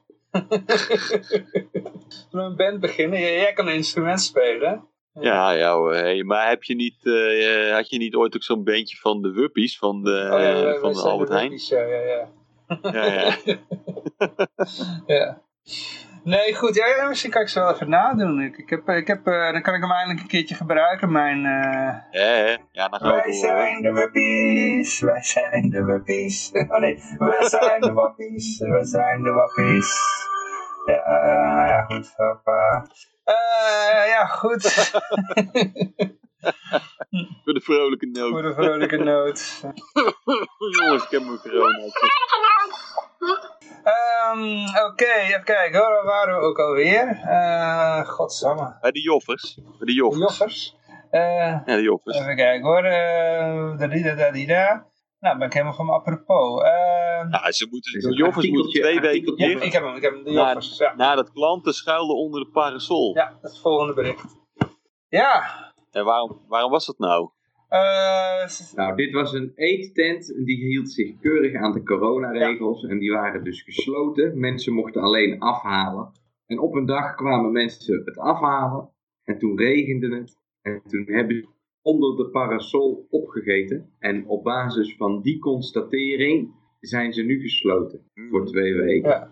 Want eh, ja, ze, ze, ze hebben dus toch mensen bediend. Was de dingen, ondanks dat het ging om afhalen, hadden de mensen toch genuttigd op hun plaats. En dus zijn ze nu eh, op last van de burgemeester twee weken gesloten. En trouwens, de- degene die onder die parasol eh, stond als notabene ook nog een gehandicapt. Bij Wat een feest, ja, hè? Ja, ja. Ja, die zou anders smelten in de regen. Dat was de handicap. Nou, Maar, ehm, dit, is een beetje, dit is gewoon een beetje treiterbestuur, toch? Ja, ja, de boa's in Amsterdam zijn er wel een beetje bekend om. Ja. Die, eh, die vinden het gewoon leuk om, Ja. eh, om ondernemertjes te pesten, weet je wel. Maar BOA's is ook wel het laagste van het laagste Ja, hoor. ja. Ik ben er ooit eens een keer voor gevraagd toen ik, bij, eh, toen ik ooit nog eens een keer achter de telefoon zat bij het ministerie van Landbouw. Ja. Je hebt toch op een gegeven moment een uitzendbaantje nodig. Daar ben ik heel snel op afgehaakt. Dan ben je echt gewoon mensen erbij aan het naaien hoor. Dus toen voel je echt een soort NSB'er. Dat je echt Ja. al die kleine regeltjes moet gaan letten. En dan denk ik, hey, maar je houdt je niet aan het regeltje. Ik slinger je op de bon, weet je wel. Even totaal, totaal buiten de context van de situatie om. Helemaal niet in gesprek gaan met mensen. Gewoon regeltje hanteren en eh, noteren die handel. Er staat ook dat de buurtbewoners het niet eens zijn met de beslissing. Hmm. Eh, de horeca heeft het toch al zo zwaar. Waarom moeten deze mensen het, eh, voor het krijgen of op deze manier verwerken? En een woordvoerder van de gemeente eh, zegt dat er al eerder eh, eh, dat deze mensen al eerder zijn aangesproken op het, op het niet handhaven van de regels. En, eh, dus, en, en, en ze verdedigt de handhavers nog even die altijd in alle redelijkheid optreden. Oh, En dat was volgens de woordvoerder ook hier het geval. joh. Ja, je mag je in dit geval gezegend voelen als je gewoon ergens op een platteland zit. Als je dit bijvoorbeeld in Wolvenga doet. In Wo- In Wolvenga in Friesland, klein plekje. In Wolvenga heb je geen politie. Die politie zit in Heerenveen, eh 15 kilometer verderop. Dus als er wat gebeurt in Wolvenga, dan lossen mensen dat zelf op. Er wordt dus niet gehandhaafd op dit soort onzinregeltjes. En daar zijn de besmettingen ook heel erg laag. eh wonder boven misschien Ja, is maar besmettingen nog steeds, Rick. Nee, sorry, sorry, het- sorry ik, ga, ik ga mezelf corrigeren. Het aantal positief, eh, eh, positieve PCR-testen. Ja, precies. Ja, ja, ja. Dan ging Ik het heb mij- inmiddels ook het, eh, het hele proces gevolgd van eh, viruswaarheid. Dus het was een interessante. Ah, oké. Ja, dat is uitspraak eh, deze week, dacht ik, hè? 9, 9 december. 9, ja. 9. Ik zag ook nog een filmpje van Blackbox met, die, eh, met twee van die wetenschappers. En die hadden ook dat hele die paper van die, ehm, van die waarop de PCR-test Ja. gebaseerd is eh, gekraakt. Heb ik ook gezien. Ja. Heb ik ook gezien. Maar Ja, het is maar nog maar de vraag. ze, Zelfs die mevrouw Marion, hè, de virologe, ik weet niet meer wat haar achternaam dan ook alweer was. Gewoon, eh, ja, Koopmans, ja. Eh, die is in, heeft in een radio-interview bij Radio 1 gezegd dat je met een PCR-test alleen RNA test. Dat wil dus helemaal niet zeggen dat het virus nog in leven is. Er is RNA, dat lijkt op dat van het virus. Ja, ja. Maar dat Dat gaat dus nog voorbij. Dat is inderdaad ook al eh, heel erg schok- schokkerend. Eh, maar er gaat er nog aan voorbij dat die tests zoveel cycli hebben inmiddels. Want sinds Ja. september is dat omhoog geflikkerd. Van 30 naar, Naar boven de 25. 30. Ja. Dat het eigenlijk volgens een heleboel wetenschappers. eh, ja, alle testresultaten zijn dus onbruikbaar. Omdat ze zo vaak herhaald zijn. Dat het ja, onbruikbare resultaten zijn geworden. Want je bent het dan zo ver aan het opblazen. Dat het te, ja, dan is het te, te ver ingezoomd. En dan heeft het geen waarde meer. Nee, er kan Dus ja, maar één, één, één zo'n RNA-deeltje zijn dat, eh, eh, dat je dan helemaal eh, hebt vermenigvuldigd, zullen we maar zeggen. En dan lijkt het net alsof er een gigantisch probleem is, terwijl die persoon waarschijnlijk al lang weer hersteld is. Ja, plus dat dus de protocollen van het uitvoeren van die test ook vaak helemaal fout zijn. Dus als jij in een teststraat buiten dat stokje in je neus gedouwd krijgt, ja, wie weet wat voor virusdeeltjes dat er in die teststraat allemaal rondzweven, weet je wel. ja, Dus- van al die mensen die zich daar laten testen bijvoorbeeld. ja, ja, dus dat is ook nog een hele grote onzekerheid die erin zit. En het is, eh, nou ja, het is een filmpje wat ik iedereen aanraad om eens een keer te lezen, eh, te bekijken. Hoe heet het Eh, filmpje? is- ja, Black Box TV, moet je maar even op YouTube is het Black Box TV. Ja. En eh, ja, het is de PCF-fraude continues. Ja, er was ook nog, kwam ook nog bij dat eh, degene die, die ehm, waar de eerste paper dan, eh, tenminste, de paper waarop de, eerste, waar de huidige PCR-testen op gebaseerd is, was geschreven door een aantal mensen. En er zat ook iemand bij, die had dan een bedrijfje wat al PCR-kits op de markt bracht voor coronatesten. En die heeft er Oh, ook nog eens aan oh. meegeschreven. En dat is even Ja, in eh, ja, ja. 48 uur bij elkaar, in elkaar geflanst. Bij van WC Eend. hè? Ja, als je ziet een wc eend, ja. Ik ga er even, een, dit wordt nou zulke zware kost, ik ga er even een biertje bij Ah. Ik ben over een minuut ben ik terug. Zo. Oh, misschien moet ik dan ook maar even een fles wijn eh, overtrekken. Ehm, even kijken hoor. Eh, we hadden trouwens nog meer berichten. Hier, oh ja, hier in, in Duitsland. We gaan ook even kijken hoe het in Duitsland eraan toe gaat. Eh, Ja. Mondkapje in de auto kan eh, boete opleveren. Ja, oh, Bert, even voor, voordat we nu het hele bericht gaan behandelen, waarom dit ook relevant is. Eh, je mag dus als Nederlander de grens over met Duitsland, eh, dus zolang je binnen 24 uur weer terugkomt. Ja, ja. En ook bepaalde quarantainemaatregelen als je langer gaat. Maar als je sowieso, als je binnen 24 uur weer terug naar Nederland gaat, je overnacht daar niet, eh, dan mag je dus gewoon Duitsland in. Dus vandaar dat dit ook wel handig is. Als je daar met een mondkapje op gaat rijden. Eh, in Duitsland is het zo dat je gezicht herkenbaar moet zijn als jij op de foto gezet wordt. Dus stel, stel je rijdt te hard of zo, of je gaat een andere overtreding. Dan mag je dus niet, dat speelt met name bij, bij zelfgemaakte mondkapjes, dat bedekt dan te veel van je gezicht, zo, waardoor het niet goed herkenbaar meer is. Eh, en dat, eh, dat is in Duitsland strafbaar.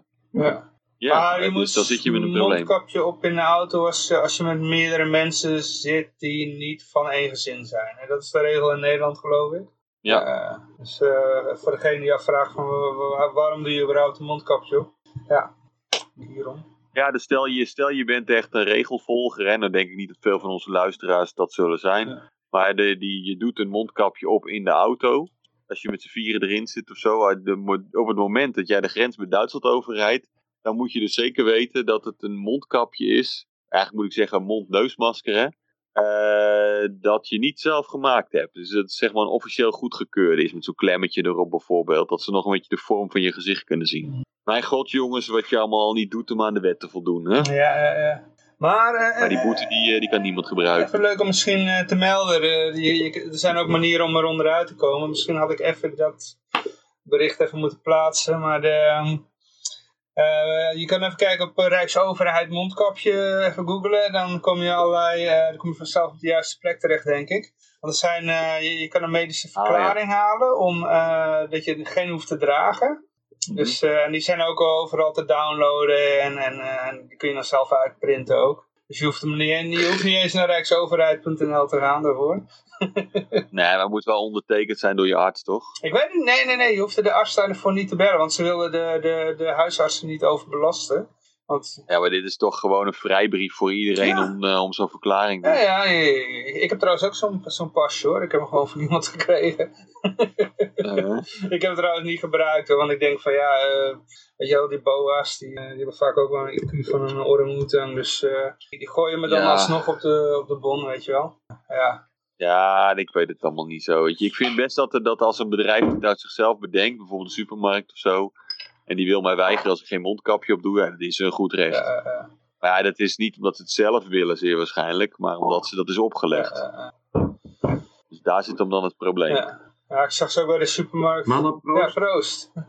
proost. met mijn leeg... eh, Ik heb er eentje in de reclame. Ik heb er eentje in de reclame. 40 cent. Oké. Lekker man. Corona? Nee, geen corona. Leeuwenbier. Oké. Oh, het is geen Servisch bier, of wel? Nee, dit is volgens mij geen Servië. Ja, het is... Misschien wel. Misschien wel, ja. Het staat wel, het is in ieder geval een Servisch bedrijf. Nee, het is Carlsberg. Carlsberg Ah, oké. Oké. Eh, ja, goed. Eh, even kijken, we gaan even naar het eh, volgende berichtje toe. Even kijken, anders ga ik trouwens ook even wat drinken halen. Eh, ja, dit is een beetje een oud, eh, oud berichtje eigenlijk. En die had ik even, even weer erbij gehaald. Eh, Ja. Want de, de, de vraag is natuurlijk, de grote vraag is eh, waarom, waarom, waarom, waarom al die, mond, die mondkapjesplicht? Terwijl, nou ja, het zijn genoeg soundbites van eh, Jaap van Dissel. Die zegt van, eh, Ah. dit helpt helemaal niet. En Hugo Ja. de Jonge. Ja, ja. en Mark Rutte. Ja, ja. Ah, hier staat, het, is, het gaat ook niet om onze gezondheid. Eh, het gaat om, eh, even kijken hoor, Eh, gedragsbeïnvloeding. Beïnvloeding. Ja, daar is dan. Ja, ja, ja. Gedragsbeïnvloeding. Ja, dat mensen doorhebben van, oh ja, dit is een serieuze situatie en we moeten er rekening met elkaar houden wat dat betreft. Maar eh, dat is de Mark Rutte natuurlijk later op teruggekomen. Dat hij heeft gezegd van ja, ja, natuurlijk, ja, we hebben dat eerder gezegd, maar eh, alle kleine beetjes helpen.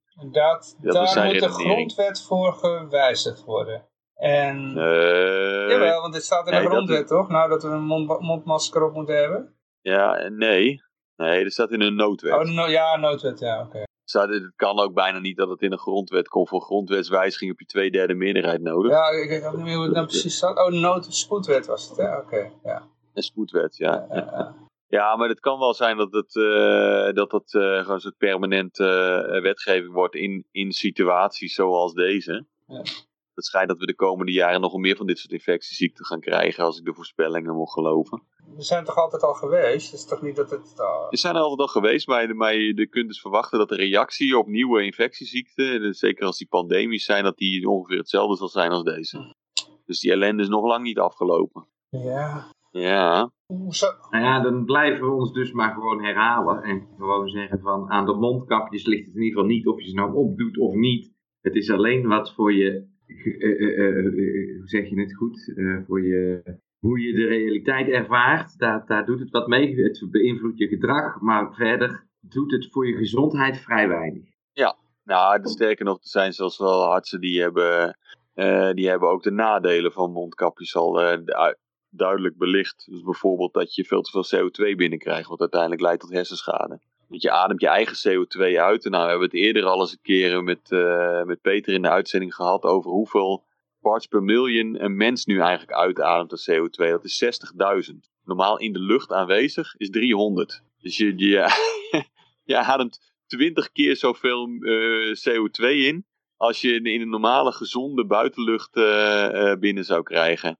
Nou, voor al die mensen die niet houden van CO2, moet dit toch wel een soort van eh, heel, heel duidelijk signaal zijn dat het met mondkapjes niet goed zit. Hè? Krijg je straks dat dilemma weer.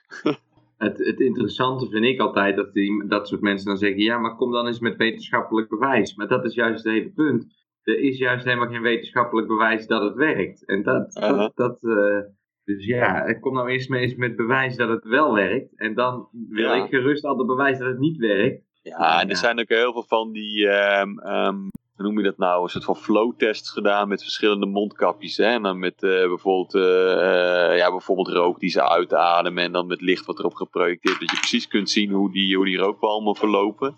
Nou, bij zelfgemaakte kapjes is gewoon zo'n walm, die komt er gewoon ruiterlijk doorheen, want dat filtert helemaal niks. Bij die eh geprefabte niet-medische mondkapjes, dan gaat het zo over je hoofd heen. Dus als je achter, achter iemand staat die zo'n kapje op heeft, dan heb je een probleem. Als je al gelooft dat corona bijzonder schadelijk is. Uh, en van heel veel van die mondkapjes, uh, uh, ja, de, of het komt er aan de zijkant uit, weet je wel. Maar veel van die mondkapjes komt het er gewoon doorheen. Die geven een beetje een ander beeld. Dus het enige wat het voorkomt, is dat je iemand recht in zijn gezicht hoest. Maar het voorkomt niet de verspreiding van die deeltjes. Ah. Oké, volgende Johan. Ja, alsjeblieft de volgende. Kijk, de mondkapjes allemaal. Ja, ik zal hier, de, mijn, waar is mijn mondkapje hier zo? Oh, hierin. Ja, pak hem er even bij. Ik zal maar eventjes provocerend voor de camera houden. Te bestellen voor i-guldens bij maak ik een handgemaakt ambachtelijke mondkapjes. Met lage arbeidskosten uit Servië. Ja. hoeveel uh, hoeveel i-gulden is hij? Nou, doen we een leuk bod. Ik weet niet. Leuk bod. Oh, gewoon wat gekker voor wil geven, zeg maar. Laten we, laten we beginnen op 100 i-gulden. Ja, en uh, met, natuurlijk ook nog met post sturen, hè, dus dat moet je ook nog mee rekenen. Nou, dat is hier heel goedkoop. Oké, okay, oh. Ja, nee. Het is, het is goedkoper om vanuit hier naar Nederland te posten dan vanuit jou naar je buurt. Oké, en moet je nog uh, voor de, bij de douane nog wat betalen of zo? Uh? Nou, ik denk dat deze mondkapjes wel vrij van BTW verstuurd kunnen worden. Oh, Oké. Okay. Ja. Ja, goed, ja, nou ja, uh, bied het aan mensen. Dus maak nog, nog maar ja. even reclame. Waar kunnen ze jou bereiken als ze zo'n mondkapje willen hebben? Oeh, ja, op Twitch heb ik een kanaal, Honkler Hangout. Uh, waar een heleboel linkjes naar allerlei kanalen zijn waar je met mij in gesprek kan komen. Onder andere Telegram, onder andere uh, Facebook. Kun je niet ook, ja ik snap natuurlijk de zakelijke insteek, maar kun je niet ook een do-it-yourself video uh, maken voor, het, voor dit mondkapje? Oh, dat is misschien wel een goede, ja. ja. Dat is wel een goed idee. Dat, kan ik wel, dat is wel een leuk ding. Want ik als, ja, ik, ik hou wel van zelf bouwen. En ik denk, nou, bij iedere bouwmarkt kun je dit kippengaas natuurlijk krijgen. Dan moet je natuurlijk wel eventjes nog dat het een beetje ja, veilig zit. medisch kippengaas. oh, is om Voor uh, mondkapjes, dus... Ja, dan, uh, dan Daarom is het ook zelf aan natuurlijk. Ja, ja, ja. Is het ook zo duur. Nou, maar dat had ik serieus op mijn werk dus. Hè. Exact hetzelfde mondkapje, zei een collega van mij. Ja, ja, het, is, het ziet er wel exact hetzelfde uit. Maar op dit doosje staat dat uh, medisch mondkapje is. En dat doosje wat jij hebt staat niet medisch. Uh, dus je moet deze hebben. En toen dacht ik echt, ja, dat kan technisch gesproken wel. Maar hij lijkt me toch best wel onwaarschijnlijk. Ja. Okay.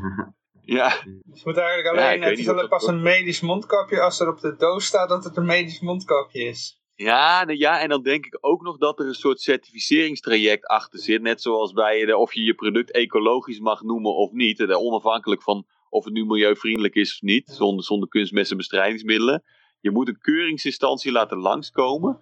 Om jouw mondkapje dan te laten testen. En dan kunnen ze zeggen: ja, maar dit is inderdaad een medisch mondkapje. En als je het niet hebt laten mij, testen. Hè? Volgens mij is, het, is elk mondkapje wat in de medische zorg gebruikt wordt, is een medisch mondkapje. Hè? Dat is dan weer zo, hoe ik het zie. Uh, ja. ja dat is ook... Nou, die, die kapjes die je bij, bij de Albert Heijn kunt krijgen, en met de kruidvat inmiddels ook, hè? dat soort van uh, rechthoekig, uh, blauw met wit, met, die, met die, uh, dat van elastiekjes om je oren.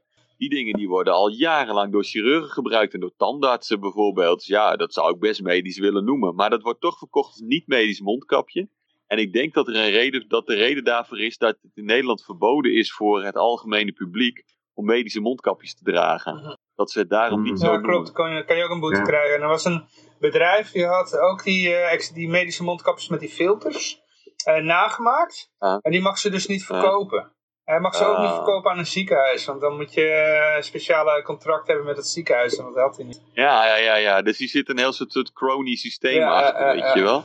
Ja, Ja, maar dit is wel, nu we erover praten, dan, eh, dan, eh, ja, dan wordt mij ineens een en ander duidelijk. Weet je waarom? Het, het klonk, klonk namelijk als een complete nonsenstheorie. Dat het de, exact hetzelfde mondkapje van het ene bedrijf wel medisch heet en van het andere niet. Maar als je uitgaat van zo'n certificeringstraject, wat bij heel veel producten het geval is, hè, ook bij bepaalde medicatie bijvoorbeeld, die dan wel onder, een, eh, eh, onder de basisverzekering valt en andere dan weer niet. Het heeft ook allemaal te maken met, met een soort keuringstraject vooraf en protocollen die eraan zijn uh, de grondslag liggen. Eigenlijk helemaal niks met het product zelf, Ja, maar meer met wat de overheid ervan vindt. Ja. Ja. ja, en ook als je een restaurant bent, om even een bruggetje te maken, ja, dan voor, voor bovendanen er andere regels dan voor onderdanen. ja. Ja, jongens, dit is, dit is, dit is gewoon eh, eh, Animal Farm in ten top. ja, ja, ja. Dit is, eh dit, some animals are more equal than others. Je ziet daar, je ziet die man van, oh, Groen politica, GroenLinks politica Lisa Westerveld. En die man van de, ja, hoe heet die nou, van de SP. de, oh ja, Peter Quint, ja. Ik, vind, ik vond hem altijd wel cool, weet je. Had ook zo'n metal shirt aan achter dat katheder, katheder toen die stond te oreren in de Tweede Kamer. Maar die zitten daar met z'n tweeën dus in het restaurant van de Tweede Kamer samen binnen te eten. Ook nog eens eh, eh, eh, zonder mondkapje natuurlijk. Maar goed, ze zitten, dus dat mag dan. Ik Maar zie ook is- geen gel op tafel. Nee, nee dit, dit is gewoon, eh, ja, dit is gewoon uitdagen zou ik zeggen. Hè? ja. Die mensen hebben zelf vraag niet in de gaten hoe krom het is wat ze doen. Ja, vol- ja, volgens mij is hebben ze die, dus niet die foto Dit gewoon gemaakt om aan te, aan te tonen van hoe krom het is. Ja, maar is het niet zo, eh, ja, ik weet niet. Eh, is het niet gewoon een hele oude foto? Nee, nee, nee, nee, is recent gemaakt. Volgens mij, ja, ik heb, het- bericht zelf niet eens gelezen, maar ik had vernomen dat ze dat juist gedaan hadden om het eh, aan het licht te stellen, hoor. maar ik kan het mis hebben. Maar zullen we even kijken wat er allemaal staat? Heeft wel een leuk kopie. In lijn met de regels staat er. Ja. In lijn met de regels? Helemaal niet in lijn met de regels. Ja, maar dit is dan gewoon een bedrijfsrestaurant, hè, dus die mogen... Ja, maar bedrijfskantines mag dan wel? Ja, ja, want eh, die van de, waar ik werk, die is ook gewoon open. Wat is nu het verschil tussen een bedrijfskantine en een restaurant? Ehm, nou ja, een restaurant heb je een kok en een bedrijfsrestaurant is cateringpersoneel. Het is gewoon eh, iets in een, Ja. eh, in een oven flikkeren en even opwarmen en dan in een jij, bank Johan, jij, werkt, jij werkt toch in de, in de Ja, ja, ja. banketing? Catering, ja. Catering, sorry. En dus, ja, eh, hoeveel catering is er dan op dit moment? Nou, kijk, bij, dat bij een soort eh, om, bedrijfs omdat, om, allemaal open? nou, kijk, omdat iedereen, nou, nou, tenminste heel veel mensen werken, doen nu aan thuiswerken. Daarom zijn nou heel veel catering eh, locaties zijn gesloten.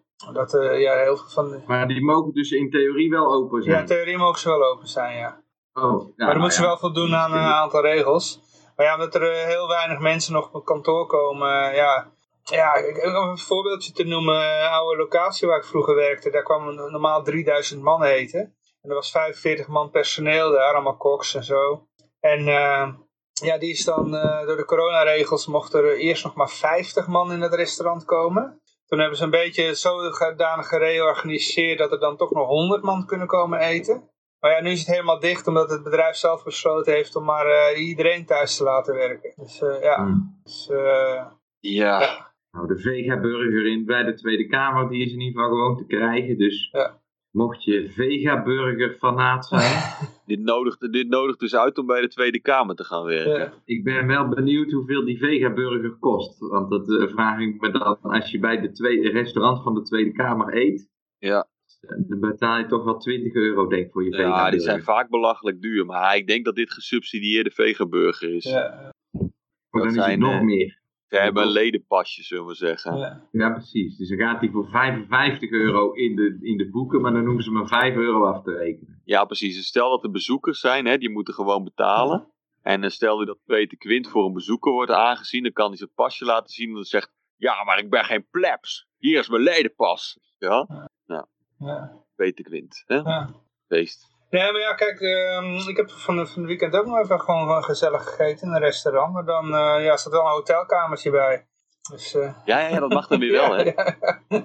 Dat is zo apart. En we hadden toevallig nog hotelbonnen Ja, over. Maar ik- het was wel grappig. Ik zou je vertellen dat... eh, eh, we zaten dan in dat hotel en eh viel me op dat ja, het personeel was allemaal overduidelijk eh, van de herenliefde, zeg maar. Eh, ja. dat, waren van een kilometer afstand kon je dat al herkennen. En die, die, huppelde ook letterlijk naar me toe van... Hallo, mag ik jullie een wijntje geven? Nou, het was een, een man. En ehm, toen... eh, en toen, eh, nou ja, toen zat ik om me heen te kijken. Ik zag allemaal homostelletjes daar. eh, weet je wel, heel duidelijk van eh, heel verwijfd praten en zo. Dat, dat- al die andere tafeltjes waren allemaal... eh, ik van, waar zijn we in godsnaam beland, joh? Zijn volgens mij enige hetero-stel hier. En eh, nou ja, goed, we hadden afgerekend. Acht uur dan mocht je geen drank meer schenken. Maar ik hoorde al wat gefluister van, eh, van, van, van, van personeel. Dat zij aan iemand instructies van wat ze moesten doen. Als er dan toch politie zou komen. Weet je wel? Dan, Ja. Met andere woorden, volgens mij wordt er na acht uur gewoon... Hier gaat het hele dak eraf. En dan gaan ze gewoon met z'n allen feesten daar. Ja, maar het, eh, dit doet mij toch wel, eh, de stemmen toch wel hoopvol. De, de, de- van, van heel de Nederlandse bevolking is 10% eh, is homo. Ja. En die houden en wel als van de die nu echt zo'n soort van, li- soort van libertarische inslag hebben, nou, dan staat de LP een gouden toekomst te wachten. Ja, ja. Ja, ik weet niet. Kijk, het is... eh, ik, ken- ik ken een, ik ken aardig wat homo's. En er was er ook eentje die... die eh, nou, hij zei van... Hij had, het was een oude, oudere man. En hij had nog de, de periode meegemaakt dat het echt nog echt verboden was. Hè. Hij was een, eh, trouwens, hij was een Brit. Hij had er echt meegemaakt dat het verboden was in Engeland. En dat er mensen ook in de bak eh, kwamen omdat ze homoseksueel waren en zo. En hij zei, ja, toen was het wel spannender. Weet je wel? En dat ga- gaf een kick. Dus... eh, Nou, Ja. Eh, dit is wel een mooie. Dit sluit naadloos, naadloos aan bij het volgende bericht. Ja, ja, ja, want er is er eentje Het gepakt. is geniaal. Ik weet, niet, ik weet niet of het in Hongarije inmiddels eh, legaal is of niet. En hoe daar tegen wordt aangekeken. Ja, Orban. Het saillante is dat deze man ervoor gezorgd heeft dat het dus niet legaal is. Ja, ja, ja. Want dan is het spannender, Nee, hè? even, even, Dat voor de, even voor de, voor de kijkers slash luisteraars. We hebben het over eh Joost. Als ik het een beetje goed uitspreek, ik doe mijn best. Ja. Josef Jaz- Za- Zager, zoiets. Jazer, zoiets. Oké, maar in ieder geval, hij zit in het Europees Parlement. Indru- Indrukwekkende, Hongaarse indrukwekkende baas. Ja, Hongaarse politicus. Ja, je zou bijna denken dat hij fundamentalistisch islamiet is. maar dat is waarschijnlijk niet nee, zo. hij komt eens, dat was de, de vierde bandlid van CC Top. Ja, precies, ja. Oké, maar even, de, de, hij is Hongaarse Euro- Europarlementariër en die samen met andere diplomaten afgelopen weekend aangehouden op een seksfeest in een Brusselse homobar. En hij probeerde te ontsnappen via de dakgoot, maar het kon toch nog in de kraag worden gevallen. Dat is toch prachtig? Eh, eh, Hij is er al verontschuldigd naar, ik weet niet wie allemaal. Maar ja, goed, hij schreef eerder mee aan een omstreden huwelijkswet. Waarschijnlijk die het homohuwelijk dan ja, verbiedt. ja. Ja, eh, maar goed. eh, Maar het, eh, het is hetzelfde idee van, eh, kijk, als, als, als mensen een buitenechtelijke affaire hebben, zo- zo'n affaire loopt uiteindelijk spaak als ze dan- dan alsnog gaan trouwen. Weet je wel, je, je, hebt, je hebt een eh, vrouw en eh, je gaat vreemd met, eh, met een andere vrouw. Je scheidt van je, van, van, je, van, je, van je, het oorspronkelijke huwelijk, dat ontbind je dan. En dan ga je met de vrouw trouwen met wie je vreemd ging. En dan loopt dat huwelijk meestal spaak. Want het was, het was pas leuk toen het nog spannend Ja, ja. was. En, en het mocht niet, weet je wel. Dus dat geeft... Wacht even, maar is het nu dus eigenlijk zo dat je denkt dat, dat deze meneer eh, geen latente homo is, maar dat hij het eigenlijk alleen maar doet omdat hij wilde seksuele fantasieën heeft? Ja, het zou kunnen, het zou Eh, kunnen hoor. Ik probeer hem te begrijpen. ja. Of andersom. Ja, ja, ja, ja, Of dat, dat andersom. Dat Ja. hij eigenlijk helemaal geen eh, eh, eh, eh, wet wil opstellen tegen het homohuwelijk. Maar dan probeert hij toch het een beetje spannend te houden, zijn Ja. beroep. Denkt, ja, eigenlijk wil ik dit helemaal niet doen, maar ik ga gewoon deze... Hij gaat zijn eigen avontuurtje Ja, ja, ja, creëren. ja, ja. Dan hou ik mijn werk spannend. Ja, kan ook, kan ook. Hou ik mijn werk spannend. Ik verbied het mijzelf om homoseksuele relaties aan te Maar je had, je had vroeger toch ook die tv-dominees en zo, die dan hele tirades hielden ja, tegen, ja. tegen homoseksualiteit en noem maar op. Gewoon en, en vreemd gaan en Ja, dan... ja, eh, maar ja, en allerlei pastoors natuurlijk, de hele eh, katholieke I kerk. have Hè? sins against you, my God. Ken je die nog, Jimmy Swaggart? ja, Jimmy Baker. Ja, maar ik weet niet uit welk motief hij daar dan zo tegen was of zo. Nou, ik denk dat dat dan meer is in lijn met de partij, weet je wel. Ik denk, ik denk dat je dan gewoon eh zeggen, wil jij daar zitten in Brussel, dat is prima. Maar dat is 6000 euro in de maand die je krijgt, dus dan ga je wel stemmen wat wij willen. Ja.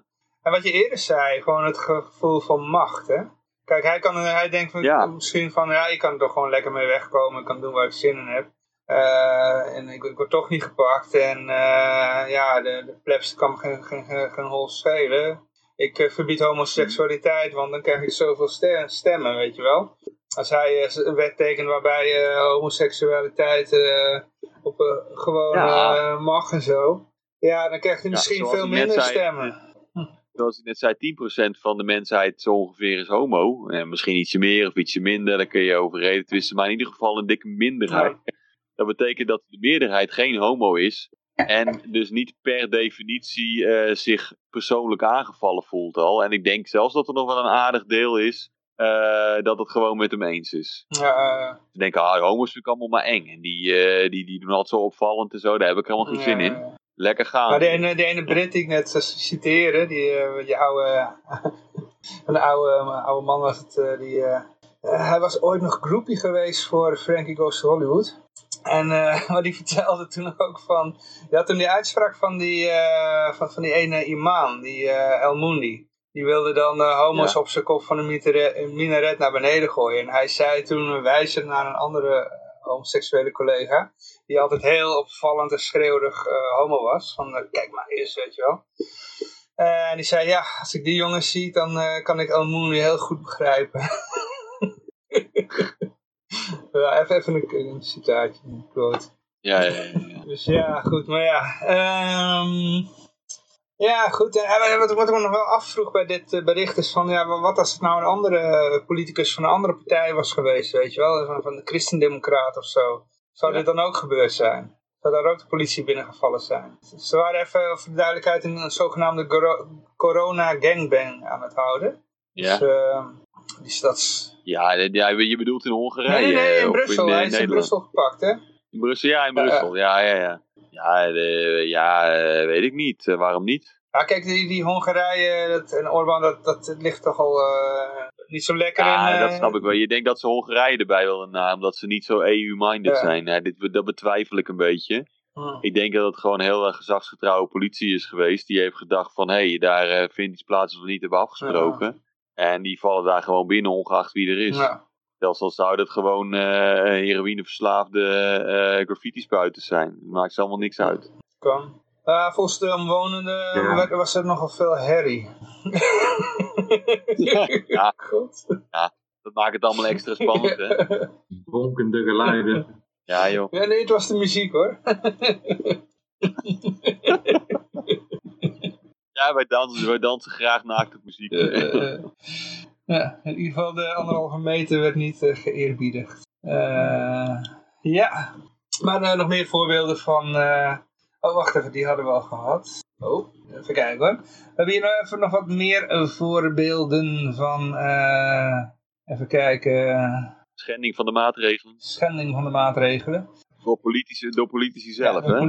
Dit is, de derde, dit is dus het derde bericht op rij. Hè? We hadden eerst dat van eh, Peter Quint en Huppel de Pupje van, eh, van GroenLinks. En toen, eh toen die Hongaarse politicus en nu dit. Ja, even kijken. eh, oh, Ja, dit is een artikeltje op Zero Hedge, ik heb, uitgebracht een paar dagen ik heb geleden. verkeerde volgorde volgens mij. Ah, dat geeft niet. Wij kletsen, wij kletsen hem wel vol. Zoek jij even het goede berichtje Ja, we hadden nog van die Ja, burgemeesters. het, gaat eh, over, het gaat over de bur- eh, burgemeesters van San oh, ja, Jose, hem gevonden. Ja. eh, die hun eh, eigen COVID-regels aan hun laars lappen. Dus dat is inderdaad wat Rick zegt, eh, het, hetzelfde trend als de afgelopen twee berichtjes. Eh, ik weet niet of jullie op de hoogte zijn van dat eh, luxe dineetje van een van de gouverneurs van Californië. Even kijken, die naam die wordt genoemd, Gavin Newsom, Mhm. is eh, op eh, 7 november gesnapt toen hij exclusief ging dineren in een drie sterren Michelin restaurant. Ah, En eh, daar zijn foto's van op het internet eh, verschenen. En één dag later deed de burgemeester van eh, San Jose deed hetzelfde.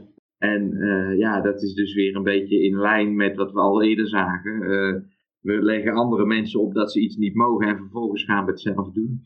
Ja, weet je, de- het, het ding is ook, eh, niets menselijks is politici natuurlijk vreemd. Hè? Want er zijn allerlei mensen die die, die regels aan hun laars lappen. Maar die, doen, die gaan niet zelf die regels maken, weet je. Die gaan zichzelf niet eerst vertellen dat iets niet mag en dat vervolgens dan toch doen. Dit is eigenlijk een soort van rare twist in het hoofd van politici of zo. Dat ze, eh, dat ze, dat ze compleet andere dingen doen dan wat ze zelf zeggen dat ze, dat ze zouden moeten doen. Mhm. Of ze vinden dat de wet niet op hun van toepassing is en dat is nog raarder. ja. Zeg jij met een LP-logo achter je? Politicus? Nee, wacht eventjes, Ja, hè. ja, ja. Eh, dit, gaat, dit gaat om mensen die vinden dat, eh, dat de wet gehandhaafd zou Ja, moeten ja, ja. worden zoals die nu Ik maak een is. grapje. Ja, daar is de LP. Nee, nee, maar laten we het dan even helder houden. De LP is er natuurlijk helemaal niet van. Die vindt dat de complete wet anders in elkaar zou moeten zitten. Dat die wet überhaupt niet zou moeten bestaan. Hè? Voordat mensen nog aan twijfelen. Ik, eh, dat is wel grappig. Ik was vandaag weer in discussie op, eh, op, de, op de pagina van de LP notabene van op Facebook. Met volgens mij een diehard eh, socialist. Eh, die ook al dat soort dingen aan de kaak stelde. Waarvan ik denk van als jij nu gewoon de pagina van de LP had bekeken. En je had de libertarische beginselen doorgenomen. Je weet welke stromingen erin, eh, eh, erin zitten. Dan had je mij al die vragen niet hoeven stellen. Weet je? Maar dat is gewoon. Ja, dat zijn mensen die denken van ik ga niets lezen. Ik eh, gooi er gewoon een hoop nonsens in. En dan zet ik jou te kakken. Ik gooi er een paar drogredeneringen tussendoor. En dan heb ik mijn punt wel weer gemaakt. Weet je wel? We hebben een vriend in de Verenigde Staten. Die hebben we nog wel eens in de, in de uitzending gehad bij Stuurloos. Mark Stein. Die zegt het is net als een soort van duif. Die springt op je schaakbord. Die poept het hele bord onder. Gooit alle stukken om. En doet dan net alsof hij je schaakmat heeft gezet. Ja. Dat is wat je als LP'er vaak tegenkomt. En die mensen die dan denken dat ze het helemaal beter weten. Die zeggen, ja, je zit er compleet naast. Al die plannen voor jou zijn helemaal nonsens. Het heeft nog nooit gewerkt en het kan niet werken. En het zit compleet onlogisch in elkaar. En nou ja, goed. Dat soort dingen. Ja? Daar hebben wij mee te maken, Johan. Ja, ja, ja. Ik weet, ik weet. Ik weet er alles van. Ja. Maar ja, goed, ja, wat hebben we nog wat verder over die, eh, deze twee te zeggen? Eh, kijk, wat was... Ja, Ja, niet zoveel. Vet, Vet Grapperhaus was natuurlijk ook zo Ja. iemand. Die heeft gewoon zijn eigen bruiloft volop eh, gevierd. En, er zijn tig van dit soort voorbeelden. Weet je, ook, ook van al die politici die met z'n allen binnen de anderhalve meter met elkaar op een groepsfoto staan. En jongen, jongen, jongen, jongen. Weet je wel, de- de- ja, waarom ben je dan die maatregelen aan het voeren? Dat gaat duidelijk niet omdat je denkt dat die maatregelen zin hebben. Want je houdt jezelf er ook niet aan. Als je echt bang was dat je daar corona voor kreeg, dan stond jij nu niet binnen anderhalve meter van jouw collega-politicus. Die mensen die geloven er zelf niet in. Maar om de een of andere reden vinden ze toch dat ze zich daaraan moeten houden. Misschien dat ze denken dat de bevolking anders in opstand komt of zo. Dat ze, dat ze dingen verweten worden, dat ze later een zetelverlies leiden, zo, zoiets. Ja. En ik, eh, in ieder geval is het niet in lijn met de gedachte dat zij serieus denken dat er een probleem is. Maar gelukkig hebben we de Franse Macron. Ja, dit is, dit is een beetje van het Ah. kaliber van eh, we breken eerst je been en geven daarna een kruk of zo, hè? Van eh Fransen mogen van Macron wel samen kerstfeest vieren. Maar dan moeten ze volgende keer wel Ja, allemaal op ze hem gaan stemmen natuurlijk, hè? Zo, wanneer zijn de verkiezingen weer in Frankrijk? Ja, precies. Dat is- Ik heb de spijker op zijn kop. Ja, nou, ik, ik- sorry, ik moest gelijk denken aan, eh, aan Samson en Gert. Daar heb je zo'n eh, meneer Spaghetti, hè? Eh, oftewel Koen Krukke. Eh, maar die heeft in zijn echte leven, dus als Koen Krukke is hij ook zanger. En die heeft het nummer Vrolijk Kerstfeest uitgebracht. En dat gaat ook helemaal de hoogte in. hè. Vrolijk Kerstfeest, vrolijk Kerstfeest. Dat, moet ik, dat gevoel krijg ik hierbij, weet je wel. Zo iemand die compleet over de top dan denkt... Och jongens, wat voor zorgen hebben we toch? Er is een pandemie met een virusinfectie. Als, als de president zou hij dat serieus moeten nemen. Maar we gaan lekker feest vieren met z'n allen. Want wij zijn Fransen en we houden ons daar niet aan. ja, ja, ja. Ah, die, die, die, Ja, die hebben nou weet- toch een lockdown van een jaar of zo? Wel, ja joh. Ja, maar goed, hij, hij neemt dat serieus. Dus als ik vanuit zijn belevingswereld denk... Dan is dit, dit, dit, dit is een beetje alsof de Titanic ten onder gaat. En je met z'n allen nog als een eh, dweilorkestje daar staat te spelen. Net zolang totdat je zelf ook verzuipt. Eh, eh, Ja? In, in dat licht is het zo'n maatregel. En natuurlijk is het helemaal complete nonsens allemaal. Maar als je het serieus neemt, wat Macron volgens mij zou moeten doen. Dan kun je niet, eh, kun je niet serieus zo'n maatregel uitvaardigen. Dit geeft voor mij weer aan dat ook hij niet serieus denkt dat er een probleem is. Dan kun je niet met z'n allen kerstmis gaan vieren. Dat wordt één grote ellende. Dit is gewoon angst voor een volksopstand. En, en nog eventjes waarom dat in Frankrijk natuurlijk ontzettend een rol speelt. Ik weet niet of je het een beetje gevolgd hebt de afgelopen weken wat er in Parijs is gebeurd. Die mensen die staan daar met honderdduizenden op de straten en die zijn in, eh, eh, tot bloedens toe zijn ze aan het vechten met de politie. En de politie die verliest dat met enige regelmaat. Waarbij, waarbij politie ook gewoon bewusteloos op straat komt te liggen omdat eh, de massa ook stevig op de politie Ja. inhakt. Dus ergens eh, ik kan het op die manier kan ik Macron zijn maatregel wel plaatsen. Weet je, die denkt, nou met kerstmis laten we het dan maar even laten doorgaan. Dan vergeten mensen eh, misschien eventjes dat ze, dat ze de politie willen slaan. Mhm. Vrede op aarde. Ja, het is een beetje als de, als de, als de brood en spelen in de Romeinse tijd. wel. de Christmas truce.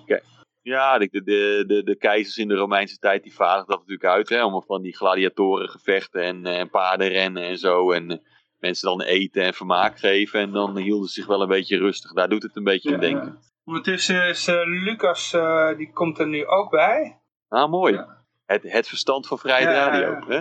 Gaan we nog even... we- we- Ik denk al, waar was Ik ga nog even... The voice of reason. Ik ga nog even wat technisch gepiel doen, zodat hij ook zichtbaar is voor de rest van de mensheid. Oké, dan ga ik even het toiletbezoek doen. Dan ben ik er zo weer helemaal rationeel bij. Eh, Lucas, zeg eens wat. Of hij wordt nog steeds gebeld, denk ik. Misschien op de verkeer... Ja, ga verder, wacht even. Oh, oké, ik ja, hoor ik hoor hem hem, wel, ik hoor hem wel. Ja, we horen hem. Ga gewoon... Ah, we- we gaan gewoon verder, ja. Eh, het huis versieren met kerstlampjes. Eerst even melden bij de gemeente Amsterdam. Waarom? Hè? Hebben de ambtenaren niks te doen daar? Oh man, oh man, oh man, oh man. Ja, dit, de, ja. Ik, dit, is, eh, dat word ik echt even helemaal stil van. Dit is een, eh, ja, het voelt, als, een- het voelt een beetje, ja goed, het is natuurlijk net een ander onderwerp. Het voelt een beetje als de cultuurkamer die je in de Tweede Wereldoorlog had. Ah. Het is weer een fijne Godwin natuurlijk, maar Lucas, je moet hem even kantelen nog. Dan heb je een hele brede, hele brede kop. Je moet hem eh breed wil doen. Ja, toppie. Zo is hij goed. Ja, zo is het in je tent, joh. ah, zoiets. Eh, eh, eh, eh Lucas. Zo dan je ziet er weer helemaal... eh, Welkom vanuit de tent, uit de woestijn. ja, zit je in een tent? eh? Hij is gewoon de thuis. Ah, oké, oké. Nou ja, welkom. Welkom. Leuk dat je er bent. Ja. We hadden het over, eh, je, moet- je moet tegenwoordig in Amsterdam een, eh, bij de, eerst naar de gemeente toe om eh, te melden dat je kerstverlichting eh, op je huis gaat hangen. Ja, top. Ja, ja het zou tijd Perfect. worden. Laat ze maar leiden, die Amsterdammers. Dat krijg je als je... Nee, nee, van een eigen stemgedrag lekker dragen. Even de redenering, hè? want je vraagt je dan, ik vraag me in ieder geval, ah, waarom, waarom doe je dat? En de, en de gemeente Amsterdam, die heeft een mooie reden daarvoor gegeven, omdat steeds meer mensen hun huis verlichten. Is, Ja. is er behoefte aan nieuwe regels? Ja, dat is Ja. wel logisch natuurlijk, hè? Ah. Als je, En hoe- eh, stel en er, hoe- eh, Ja? En hoe kutter, hoe beter voor die Amsterdammers. Want eh, ze krijgen gewoon de leiders die ze verdienen. Ja. Dus eh, prima. Maar Echt 0,0 Ik vraag me af... Ja, maar dat was het, eh, de redenering dat, dat er ehm, mensen die er langs zouden lopen, waaronder toeristen, eh, dat het daar te druk voor zou kunnen worden. En dat ze daarom, eh, ja, ja, ja, dat is, ja je hebt daar ook heel erg last van Als natuurlijk, toerist, als je, ja. als je licht om je heen. Ja, ik moet Ja. zeggen, ik ben in Utrecht had je, ja, had je in eh, Lombok, had je, heb je best wel wat mensen wonen die houden ontzettend van kerstverlichting. En er is iemand die heeft daar zijn complete huis, de kerstsfeer ingericht. Nou, dat is één grote, bijna neonbaken van, eh, van kerstverlichting. Ja, ik vind dat genieten. Dat is, het hoort zo ontzettend bij de, de Nederlandse volkscultuur. Ja. ja, je moet voor de gein eens een Eh, keertje... dat, eigenlijk, eigenlijk, eigenlijk zou dat immateriële cultuur moeten zijn. Weet je? En dan zouden ze dat moeten promoten in Amsterdam. Nou, ze, ze doen er alles aan om daar toeristen weg te jagen hoor. Maar, eh, Nee, maar je moet voor de gein eens naar het Soesterkwartier wonen. Dat schijnt de enige plek op eh, aarde te zijn die vanuit de ruimte te zien is tijdens kerst. Hè? Dat mogen ze wel gaan belasten dan, denk ik. En bij, eh, bij een WK en zo, eh, een EK, dan, eh, dan kun je het ook vanuit eh, de hemel zien. Hè? Dan zie je gewoon één grote oranje vlek. Zo'n wijk is dat. Het gaat Ja. de hele, hele opbrengst het- van, de, van de wietplantage gaat allemaal in kerstverlichting daar. Hoor. Dat, eh, E- Even, hè, even. Het stellen van deze regels, zegt de gemeente Amsterdam, hè, het stellen van deze regels is erop gericht dat de feestverlichting blijft passen bij ons Amsterdamse straatbeeld en een goede balans wordt behouden tussen rust in het straatbeeld en de verlichting en versieringen in de openbare ruimte. Het ding is, dit is geen openbare ruimte. Het zit achter het raam van die mensen. Ja, ja, of op de gevel ook hoor, de- toch? Ze hangen het ook op de gevel. dan, dan Ja, maar- kun je ze nog vragen om precario belasting te betalen. Ja, ja, ja. Ja, maar het is ook allemaal er- erfpachtgronden zijn het, hè? Dus eh, Oh, ja, ja, ja. Ja, daar zit je alweer, hè. ja, ja, laat ze maar lekker leiden, die gasten daar. Maar ik, vraag me af of de, degene die nu onder lijden, dan zeg maar de mensen die kerstverlichtingen ophangen. Ik neem aan dat dat normaal gesproken geen GroenLinks-stemmers zijn. Nee, dat zijn meestal eh, eh, iets van PVV-stemmers of zo, Ja, denk ik. Dat zijn mensen uit de Volkswijk, die stemmen PVV of echt PVV Het is of gewoon SP. PVV als je pesten dit. Ja, Eh, eh, eh. maar dat is echt zo. Mensen uit de- de Volkswijken, die stemmen vaak Ja, PVV ja, ja, of SP. Ja, dat klopt ook wel inderdaad. Als je door uh, Soester kwartier fietst, dan eh, hangen tijdens verkiezingstijd eh, hangt het vol met eh, Geert Wilders achter de ramen daar. Ja, natuurlijk. Ja. Dat is ons volk, hè. Dat is het idee. Ja, En is trouwens ook wel, dit zijn mensen kun je prima gesprek mee voeren, zolang je het me niet met ze oneens bent. ja, klopt. klopt. Hmm. Ik denk dat eh, uit de SP wel wat te hengelen valt. Er zijn mensen die in ieder geval wat meer nadenken dan de gemiddelde PvdA-kiezer. En dat is sowieso waar, ja. ja. Ik denk ook altijd de, de probleemanalyse, daar, daar kan ik het met de SP'ers ook altijd ontzettend over eens worden. Alleen dan komen ze met een oplossingsrichting en denken, hoe kom je daar nou bij? Weet je? Hoe kom je nu van, van die analyse tot deze oplossing? Ja, Ja. Ja, maar dat is de uitdaging. Daarom is het leuk om campagne te voeren. maar dat is ook zo, ja.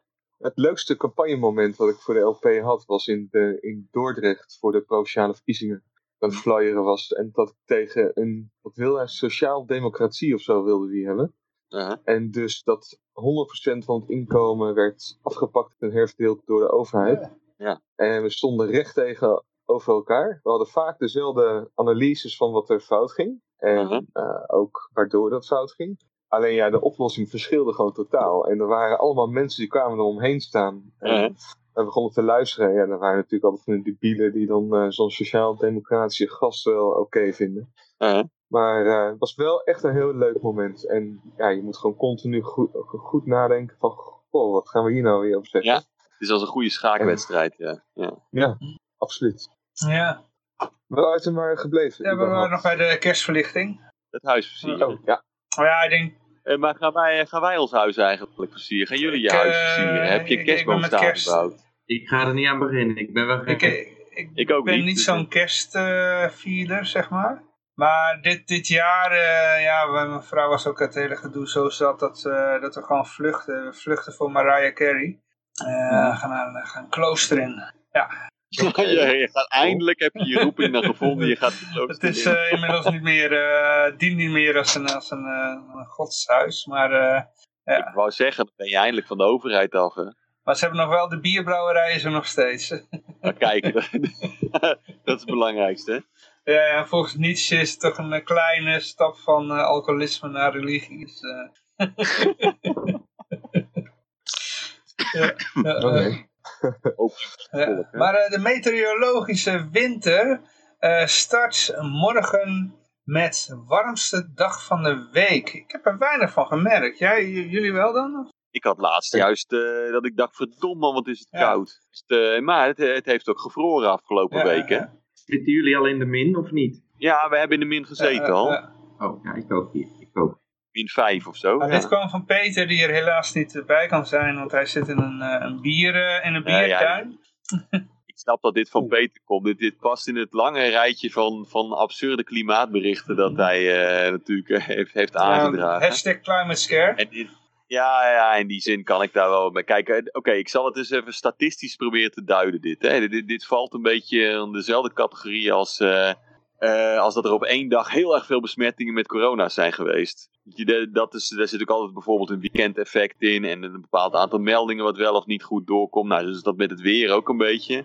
Eh, soms heb je net een beetje een wind die verkeerd staat of... eh, ja, of, de, of er staan heel erg veel wolken of juist niet. Weet je, dat, ja, dat speelt allemaal een rol in hoe warm het is op een bepaald moment. En dat heeft met een, een algeheel klimaatbeeld niet zo gek veel te maken. Dan moet je juist kijken naar, eh, eh, naar langere periodes. Ja, en het gaat hier over de warmste dag van de week. Precies. Dus dat ja. is echt ultieme paniek. Ja. Eh, want in die week is dat dan de warmste dag. Ja. Nou, oké. Ja. Het is echt een sensationeel nieuwsbericht dit. Echt een, Ja. Echt een teken dat het ook echt eh, slechter gaat. Even los van dat het voor het gasverbruik eh, en dus de Groningers gewoon eh, hartstikke fijn is dat het eh, niet zo koud Nou is. ja, ja, laat het zo zeggen. Ik eh, ben daar zo bang van geworden dat, eh, dat het zo warm is geworden. Ik heb al mijn elektrische apparaten maar gelijk afgesloten. Hm?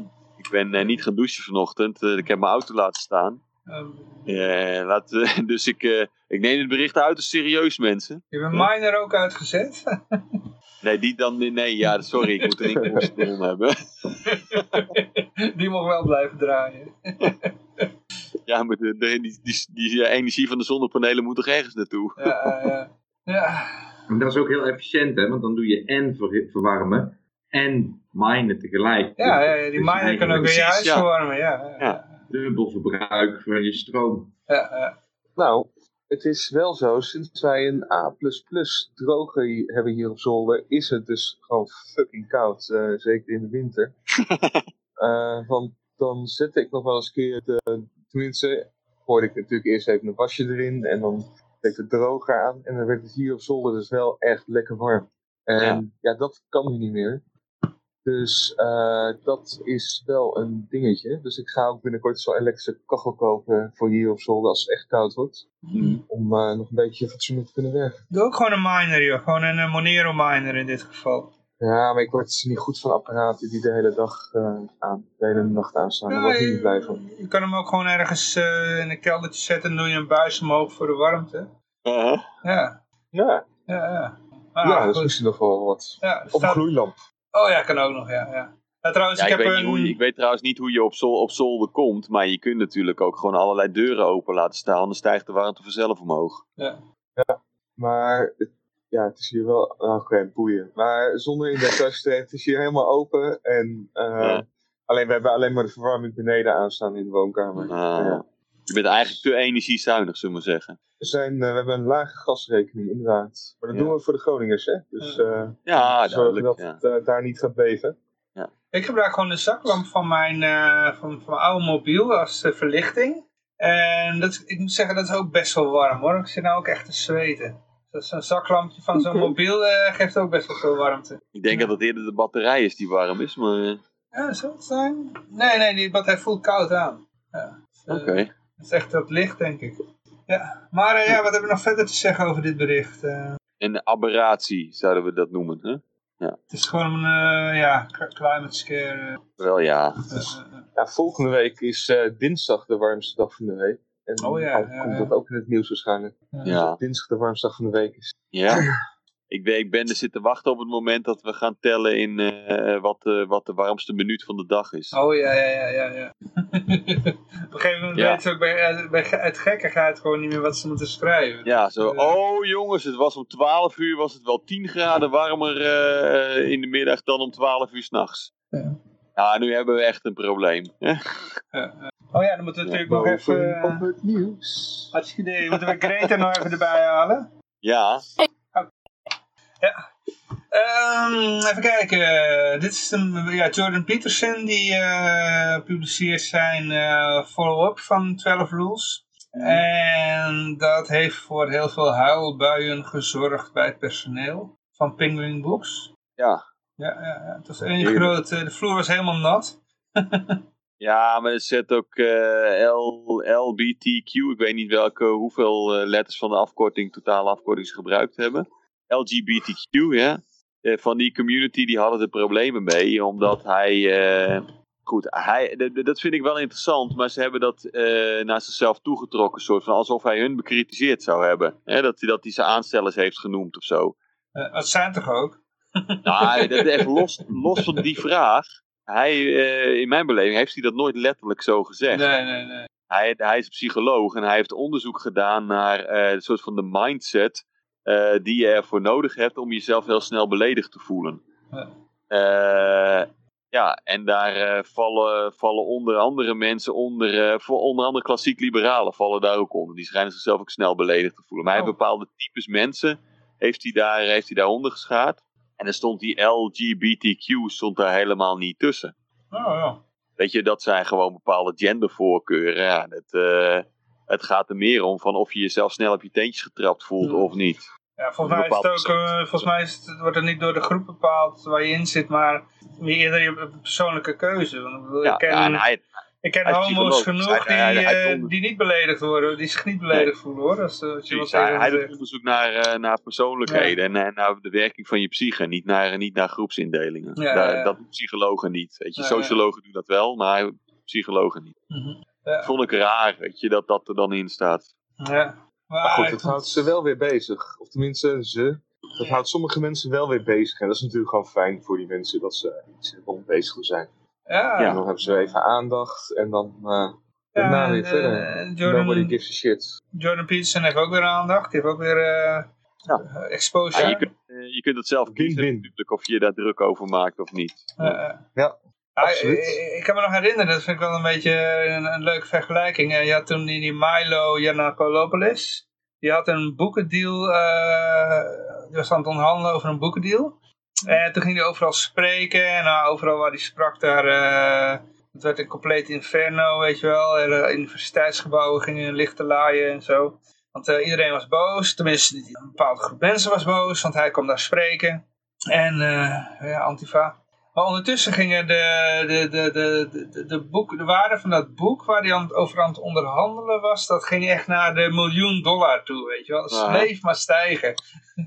dus hoe meer mensen zich boos maakten over hem, des te meer Ja. dat boek wat hij wilde publiceren waard werd. Ja, ja, daar willen natuurlijk heel veel mensen lezen als er veel ophef over is. ja, ja, ja, Ik Dat is ook met, eh, met zo'n boek als Mein Kampf bijvoorbeeld. ja. Ja, dat is bijzonder beroerd geschreven als ik het eh, een beetje begrepen heb. Maar ja, het is wel geschreven door Adolf Hitler. En, en het is een eh, boek dat lange tijd verboden is geweest en nu nog steeds vrij slecht te krijgen. Ja, maar toch Eh, eh, iedereen dus dan- op school, als hij naar school gaat, die heeft dat boek. Nou, de meeste mensen komen niet verder dan de eerste pagina. dat is gewoon totaal onleesbaar. Ik heb hem op school toen nog in mijn studententijd. Ik, ik kan me, bijna iedereen had dat boek wel, weet je wel. Omdat het verboden Ja, ja. was, weet je wel. ja, maar dit zijn wel meer van die boeken. Ja, er, dan heel veel, eh, ja, er wordt heel veel over gepraat. En dan willen veel mensen dat lezen. Dus dat is Kapitaal van eh, Karl Marx. Zo. Is compleet onleesbaar, heel beroerd geschreven. Toch zijn heel veel mensen die dat willen lezen. Eh, er valt hier van alles om, hoor ik. In tegenstelling Ja, dat tot, mijn- tot, eh, tot de Bijbel. Hè? Dat is best wel mooi geschreven. Uh, Er staat een hele hoop nonsens in natuurlijk, maar het, eh, het is heel mooi geschreven. Maar daar is ook heel veel over gepraat. Dit is het best verkochte boek ter wereld. Uh, uh, uh. Zelfs zoveel over gepraat dat, eh, dat er hele geloven omheen ontstaan zijn. Ja, eh, Elke zondag zit de kerk er vol mee. Ja. ja, ja, ja, er wordt altijd weer een uurtje gelul door een man in een jurk. Ja, maar stel, stel nou, hè, stel nou dat, eh, dat, eh, dat er nooit zoiets geweest zou zijn als een Bijbel. Een soort van één tekst die je kunt gebruiken als verkoopmateriaal. Mhm. Dan ben ik benieuwd hoe ver die geloven allemaal gekomen waren. Dan was het volgens mij in no time uit elkaar gelopen. Want je hebt geen enkele referentie. Nou, nou, nou, er is wel, zijn- wel mensen die daar onderzoek naar eh, hebben gedaan, naar die vraag van, wat als, eh, als de Bijbel er niet was geweest, weet je wel? Serieus? Ja. of, of, Je- of Jezus was ja, gewoon timmerman gebleven, zeg maar, en, en die had Ja. geen, geen religieuze hobby ernaast gehad. Dan zijn ze wel tot de conclusie gekomen, want er, er waren stromingen zoals Plato en zo, en Aristoteles en noem maar op, en die ideeën die leefden toen wel. En er zouden wel soortgelijke eh bewegingen of stromingen ontstaan zijn. Die ongeveer dezelfde waarde hadden als dat het christendom had. Dus eh, ja, dat is althans de mening van sommige mensen. Ja, ja, ja, dus een beetje in de trant van er is niks krachtiger dan een idee waarvoor de tijd eh, is aangebroken. Ja, ja, je, ziet ook wel dat de, de kerk ging ook wel vaak mee met dingen die op dat moment populair waren, weet je wel. Je ziet ook wel dat de, Ja, dat de katholieke kerk veranderd is na, na de verlichting en zo. Ja, ja, oké, ja, ja, ja. Dat past zich wel aan. Ja. Ja, ja. Maar dat is denk ik ook. Ja, hij, hij maakt natuurlijk ook, eh, ook wel zo'n boek omdat hij eh, iets wil verkopen. Hè? Mhm, mhm. Waarom maak je anders een boek? Eh, de- de- Er zijn natuurlijk wel heel veel onderzoekers die boeken schrijven, die bij, alleen bij onderzoekers op de plank komen te staan. Maar als je een beetje een goede verkoper bent, dan zorg je dat het een boek is dat veel mensen willen lezen. Dus dan moet het een beetje spraakmakend zijn. Nou, het is kennelijk wel gelukt. Hè? Heb je Jordan Peterson wel eens gelezen? Nee, nee, nee, nee, nee, niet gelezen. Oké, oké.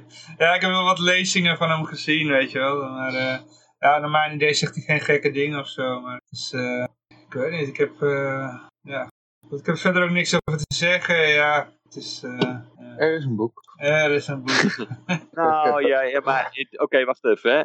Hij, hij is toch ook wel bekend als libertariër? Of Nee, nee, nee, helemaal niet dat ik, naar mijn weten is hij geen libertariër of zo. Maar Ah, oké. misschien eh, heb ik het fout hoor. Maar eh, ik heb wel eens een interview ge- gehoord waarin hij over, daar, daarop inging. Of, maar, Mhm. ja. Hij zei wel zoiets dat ik me even vaag bijstaat is van dat hij zich in dat hij zich niet bij één eh, politieke stroming thuis voelde. En dat hij zoiets had dat de meeste mensen dat ook al hebben. En ja, maar goed, hij, ja, goed, nou, ja, ik, weet daar. Nee. Ik heb hem wel eens iets zeggen over dat horen ik, ik zeggen. ben er ook niet van op de hoogte wat hij nou precies voor eh, politieke stroom aanhangt. Dat durf ik niet te zeggen. ja, ik, ik meen dat hij zoiets zei van dat hij zich bij geen enkele stroming her- 100% herkent. Ja. Nou, maar dit, wat, wat ik nog wel, dat is het laatste wat ik daarover kwijt wil. Dit is, ehm, er zijn heel veel onderzoekers die doen onderzoek naar best wel controversiële onderwerpen. Hè? Gewoon omdat ze dat interessant vinden. hmm. Maar dat je er onderzoek naar doet, wil niet zeggen dat je daar een bepaalde mening over hebt of zo.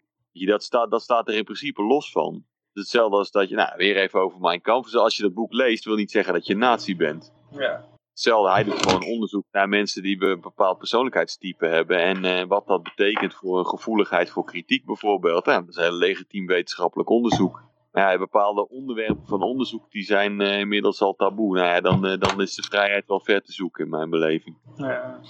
Ik meen dat er ergens nog in het artikel eh, stond nog, of het was een andere, dat kan ook, maar hetzelfde onderwerp, maar er stond er iets van een van die, die mensen die zich dan gekwetst voelden door Jordan Peterson. Er werd toen gevraagd van, maar waarom dan? En ik kwam nu met een argument aan van, ja, eh, ik ken de, een, een vader van een vriend van mij, die is helemaal fan van Jordan Peterson en die heeft mij toen zo gekwetst.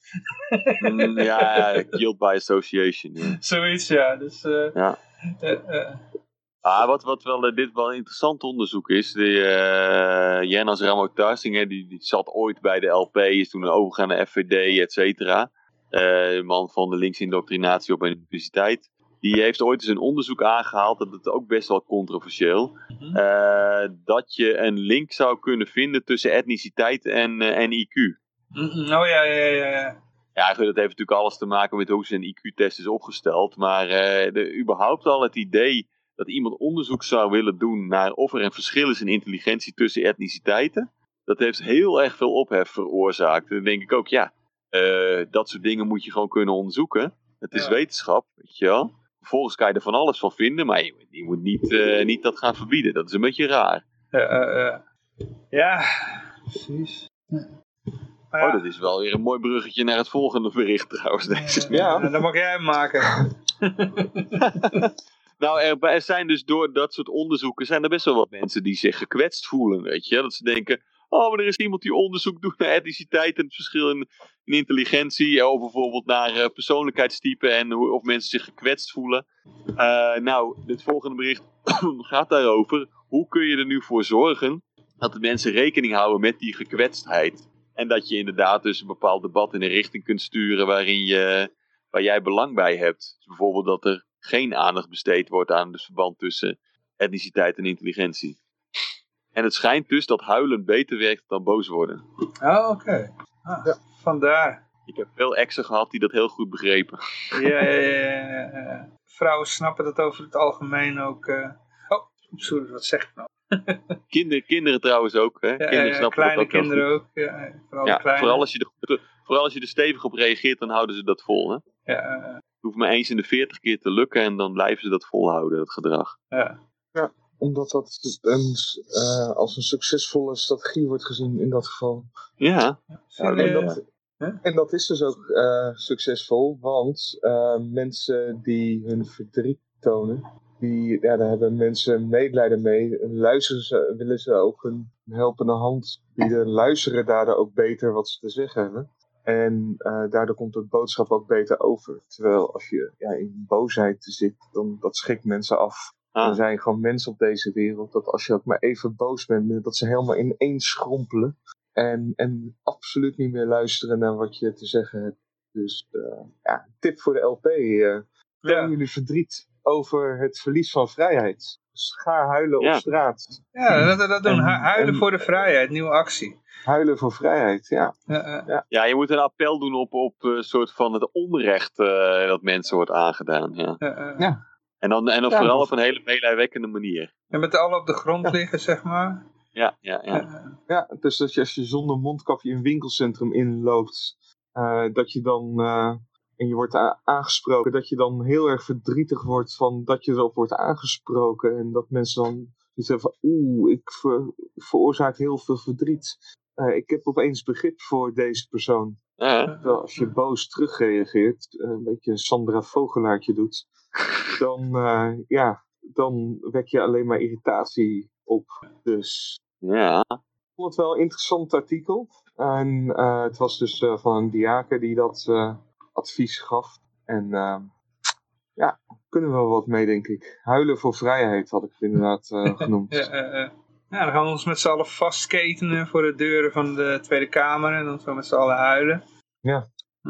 Nou, of eh, dat eh, inderdaad als je slachtoffer bent geworden van, eh, van phishing-e-mails eh, De mooie weer, hè? door Ja. van de Belastingdienst, dat je dan ook eh, gewoon gaat huilen. En misschien eh word je nog wel eens een keer gecompenseerd. Gecompenseerd. Ja, heb je dat wel eens gedaan? Dat je, dat je de Belastingdienst hebt opgebeld en dan een heel zielig verhaal hebt opgehangen? Maar huilen tegen de belastingdienst. Ja. Ja, maar mevrouw, ik kan het echt niet betalen. Nou ja, Ja. ik, ja, ja, ja. Ik heb dat wel eens gezegd hoor. Ik, zei, ik heb wel eens gezegd van nee, ik zou niet weten waar ik het geld vandaan moet halen. Weet je? Nou, dan, dan, dan hoor je ze een beetje zo inschrompelen. Ja, ja, ja, nou ja, betalingsregeling, bla bla. Maar ze houden wel voet bij stuk. Dus het, het werkt niet helemaal ook volgens mij. Nee. Dat k- komt volgens mij ook wel doordat het gewoon hun baan is om dat soort dingen binnen te halen. En als ze dat niet lukt, dan raken zij een baan kwijt. En dat is alsnog belangrijker dan jouw verdriet. Ja, ja, ja. ja Nee, dat zie je ook bij die toe... Ja? Ja. Nou ja, ik denk dat uiteindelijk de mensen die bij de Belastingdienst bij zijn telefoon blijven werken, zijn mensen die er over het algemeen wel mee om kunnen gaan met al die zielige verhalen die ze de hele dag horen. Mensen die er niet Ja. tegen kunnen, ja, die gaan binnen no time ergens anders werken. Dus Mhm. uiteindelijk eh, hou je een groep mensen over daar die eh, ja, waarschijnlijk een beetje sociopathische aanleg hebben. Ja, een beetje ja. gevoelloze mensen. Ja, ja. ja. Nou, ik heb ook bij een incassobureau... inderdaad van de Belastingdienst. Ja. Eh, eh, eh. Oh, Lucas? Ik heb ook bij een incassobureau gewerkt en ook eh, wel meegeluisterd met eh, de, de mensen die ook mensen aan de telefoon kregen. En eh, ja, daarvan eh, was het ook echt zo van, oké, dit is wel heel sneu wat ik hoor. Dus een mevrouw die dan bijvoorbeeld huilend zegt dat ze geen eens geld heeft om boter te halen. En eh, dan denk ik ook van, ja, dat is wel sneu. Maar eh, dan zegt die collega over, ja, dit hoor ik gewoon tien keer op een dag. En eh, het is allemaal lief, leuk en aardig. Maar ze hebben wel gewoon nog eh, een iPhone op eh, krediet nog even gekocht. Dus eh, Aha. geen enkele medelijden mee. En eh we moeten gewoon een goede betalingsregeling komen die ze gewoon kunnen betalen. Mhm. En eh, die afspraken die er waren gemaakt waren ook heel mild. Dus eh, gewoon betalen, niks aan aantrekken. En eh, ja, dat, die horen dat dus de hele dag. En inderdaad, als je dan heel empathisch erop reageert, zoals ik altijd doe, ja, dan hou je dat niet lang vol. Maar eh, die deed het al jaren en eh was gewoon werk. Mhm. Ah, het is dan ook wel makkelijk voor zo iemand om dan te kunnen zeggen van ja, want die hebben net de nieuwste iPhone op krediet gekocht, want dat weten zij ook niet natuurlijk. Maar dat is dan een beetje het beeld wat zij ervan Ah, maken. dat is niet helemaal die, waar. Als, Die ene keer dat het wel zo was. Je krijgt wel, eh, voor bepaalde zaken krijg je wel BKR-registratie. En dat Ja. kunnen ze volgens mij wel inzien. Dus als je in Nederland, als je een telefoon eh, op, eh, of per maand betaalt, dus eh, niet in één keer, Ja, maar, ja, ja, ja, dat klopt. dan is dat, eh, wordt dat geregistreerd als schuld boven de 250 euro. En dat kun je dus wel zien als je eh, dus een incassodossier hebt en je vergelijkt dat met BKR-output. En je ziet daar opeens nog dat er een maand ervoor een iPhone eh, op uh, Maar ja, dat hoeft ook niks te betekenen. Dat hoeft ook niks te betekenen. Want als je zo in je, in, je, in je schuld zit, dan verkoop je ook je eigen identiteit. Want dan krijg je vijftientjes. En dan staat Ja. die schuld van die iPhone misschien wel op jouw naam. Maar dan heb je wel in ieder geval vijftientjes om, om je kinderen weer een week van te eten te geven. Weet je wel. En dan, eh, Ja, maar dat is Ja, even dus geen, eh, geen overzicht hebben over je situatie, denk ik. Want eh, je moet dat toch beseffen dat dat een BKR-registratie oplevert. nou, er zijn- er zijn Ja. mensen, of debiteuren zijn er in verschillende vormen of soorten en maten. En je hebt mensen die gewoon eh, ook gewoon niet willen betalen en niet kunnen betalen. Maar je hebt ook mensen die niet willen betalen, maar wel, maar wel kunnen betalen. Mhm. En als jij gewoon een, in een aflossingsregeling zit die best wel mild is, Mhm. mag tegenwoordig ook allemaal niet meer helemaal maximaal worden uitgemolken, eh, dan eh, kun je er maar beter voor kiezen om van die schuldregeling af te komen en dan pas een iPhone te gaan kopen, dan dat je dat doet tijdens zo'n aflosregeling en dan vervolgens die aflos, aflosregeling niet wil nakomen. Mhm. Dat is, Dat is eh, dan doe je, ja. maak je zelf de verkeerde keuzes. En Ja, daar wek je niet echt begrip mee, mee. zullen we zeggen. Ja. Ja. Nou ja, dan ga je in een andere categorie vallen. Dus Ja. eh, Hoe wil je, wat voor categorieën zijn er dan? ah, dan, dan wordt je categorie eh, kan wel betalen, maar wil niet betalen. En Ja, ja, ja, dan ja. word je anders behandeld dan als je Ah. niet kan betalen. Dan, eh, ja, dan kun je wat meer water bij de wijn doen en meer begrip tonen. Mhm. Maar er zijn, er worden allerlei gekke smoesjes verzonnen om er... Ah, we dwalen wel echt super Ja, af overigens. Nou, ik kom zo Eh, weer terug bij die hoor, want dat eh, houdt er ook verband mee. Ja. En, eh, maar je hebt ook mensen die zeggen, ja, ik ben naar Syrië, of die is naar Syrië verhuisd, wordt dan door een neef verteld. Ja. En eh, dan kijk je even op Facebook en dan zijn ze gewoon nog doodleuk aan het feesten in Amsterdam. En Ja, ja, ja. vind maar even iemand eh, die er niet meer geregistreerd staat. Dat is vrij lastig. Ja. En de Belastingdienst, eh, die eh, heeft natuurlijk ook hetzelfde probleem. En die had het probleem ook met die toeslagen. En er zijn natuurlijk ook van de Belastingdienst heel veel e-mails en sms'jes en whatsappjes die gestuurd worden eh, uit naam van de Belastingdienst. Waarin wordt gezegd, als je niet voor morgen betaalt, dan Ja, gaan we beslag leggen op allerlei dingen. En daar trappen mensen in. En daar zit... Ja, en waar- naar welke andere, moeten ze dan Ja, maar bit- dit- in bitcoin betalen of zo? ik heb wel zulke, zulke dingen voorbij zien komen hoor. Ja, maar dat, dat, dat heb ik altijd eh, ervaren als een, een, de methode om de bitcoins zwart Ja, te maken of zo. Dit, dit vond ik altijd heel raar, eh, heel raar geregeld. Ik denk, daar heeft iemand belang bij om bitcoin in een, paar ja, daglicht te zetten. Ja, want als het echte criminelen waren, hadden ze Ah. geen bitcoin gebruikt. Want ja, dat eh, betaal je nog extra belasting over in de vorm van hoge fees. Aan de miners, ja. Dat ga je natuurlijk niet doen, hè? Of het is gewoon een beetje een onnozele ook, crimineel, dat kan natuurlijk ook. Maar Ik wat ik, denk wel zelf ook wel in de richting van Rick, Ja, hoor, ja, ja, ja. overigens. Want de- Ja. dat er gewoon banken zijn die, die gaan zoeken van waar kunnen we, eh, wat is op het randje van legaal. En die gaan dan dat soort bitcoin eh, advertenties de, de, Ah, phishing mails, ja. En het leuke is, je kan dan op zo'n, eh, want is allemaal een openbare boekhouding, hè, bitcoin. Dus dan ga je op zo'n adres kijken en dan zie je dat er ook gewoon niemand heeft eh, iets overgemaakt, hè. Ja. Nee, tuurlijk. Maar wa- wat ik, wat ik eh, interessant vind aan Mhm. dit bericht, is dat eh, het kennelijk niet oké is eh, als iemand die niet de Belastingdienst is via mails, sms'jes en WhatsApp vraagt om geld. Mhm. Terwijl als de Belastingdienst jou een bericht stuurt met de vraag om geld, dan is het wel oké. Oké. En je- nou ja, en de, de redenering erachter is natuurlijk ja, maar je krijgt er heel veel voor terug voor dat belastinggeld. Maar dat zijn allemaal dingen waar Ja, je niet om hebt gevraagd. Hè? Dus eh, ja, ik vind het een beetje, de, het voelt een beetje als de pot verwijt de ketel. Ja, die, eh, van, die, van het geld wat je aan belasting betaalt, daar zie je ook niet al te veel van terug. In ieder geval zeker niet op de manier zoals je dat zelf graag zou zien. mhm. Ja, Nee, ja, kijk naar wat er, eh, waar het nu aan uit wordt gegeven. Voor mij mag er best wat minder boa op straat. Precies. wat, Hè? wat min- minder bommen op Syrië. Nou, eh dat zegt Ja. nou wat. Eh, wat zag ik nou vandaag weer op tv? Een bom op Syrië? Eh, er is dus een of andere eh, kroonprins van Benin die inmiddels dus eh, ja, de, de keuze moet maken of hij nog langer als, ehm, eh, als ordehandhaver in Nederland wil fungeren. Die had zo'n blauw pakje aan, hè, of dat hij koning wil worden in Benin. Oh joh. En hij zei toen van, ja, eh, hij werkt nu in Drenthe hè, ergens. Ja, ja, maar ik, ehm, ik ben er nog niet klaar voor, weet je. Zij houdt nog geen koning. Ja, Cool. meestal. Een beetje zo'n coming to America Eh, eh, ja. Coming to Ja. the Netherlands. Ja, maar dan bedoel je zeker dat hij gewoon een chief is van een of andere stam of zo. Dat, Nee, koning, koning van van, Benin. echt het hele land. eh. Het, Oh, het land, ja. Oh ja, en die werkt in, in Nederland. Wat wel even, ik zal het er even bij Ja. zoeken. Toezichthouder Rensenpark moet koning worden van Benin. Oké, en daar is hij nog niet klaar voor. Hij wil liever toezichthouder worden, eh, houder van een park zijn. Oké. Ja. Het staat in het dagblad van het Noorden, dus het is ook wel echt een serieus bericht nog Ah, of zo. oké, Grappig. Ik mag voor hem hopen dat door de corona dat park gesloten is. Want daar loopt het nou natuurlijk storm de komende paar dagen. Over een week is, de- over een week is deze gast uit Nederland vertrokken. Want er komt de foto, met, foto met de koning. Ja, ja. Lijkt me ook wel grappig als hij dan ook nog op, op, op Eddie Murphy lijkt. Ja, toezicht, toezichthouder in Emmen inderdaad. Ja, ja, ja. Van Your Royal Penis has been washed. Ken je dat van die film? Ja, ja, wel ja. ja. Ja. Nee, van het hele land, Het van het hele land. land. inderdaad. Ja, hij is, hij is troonopvolger van zijn onlangs overleden Hmm. oom. Benin is sinds eind 19e eeuw een republiek. Oh ja, ja, ja. Oh nee, nee, wel van een klein koninkrijk. Ja. Maar hij bergt van oudsher nog een aantal kleine Ja, koninkrijkjes. zie je wel. Het is gewoon een chief eigenlijk.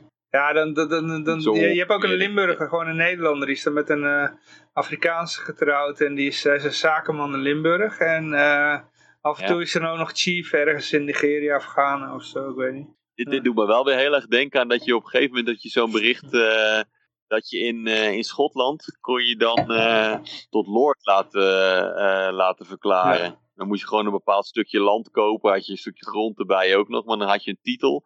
En dat kon dan wel handig zijn voor als je in het, eh, in het vliegtuig beter behandeld Oh, ja, wilde ja. worden. Dan is dat een lord voor je naam, ja. Je kan ook een Ja. nachtkoning zijn van Liechtenstein. Voor geloof 25.000 eh, euro. Dus dan mag je s'nachts op de troon zitten in Liechtenstein. Ja, de enige macht die je dan hebt is dat je een straat naar jezelf kan vernoemen. Dus, eh, Ja.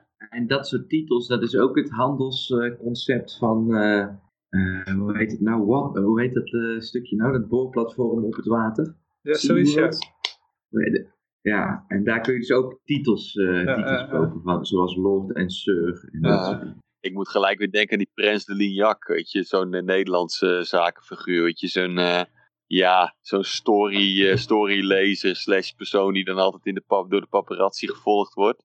En die had dus een groot jacht gekocht, hij had net iets te veel geld of zo, en die had ook zo'n titel gekocht. Mocht zichzelf toen prins Ja. noemen. Ja, en eh, de barontitel in eh, België is ook heel makkelijk te krijgen. Nou, we hebben de LP heeft er ook wel eens een keer last gehad van zo'n eh, baron tussen Oh, ja, ja, ja, ja. aanhalingstekens. Gekochte titel. Die Mathé. De naam die we niet zullen noemen. Oh, ja.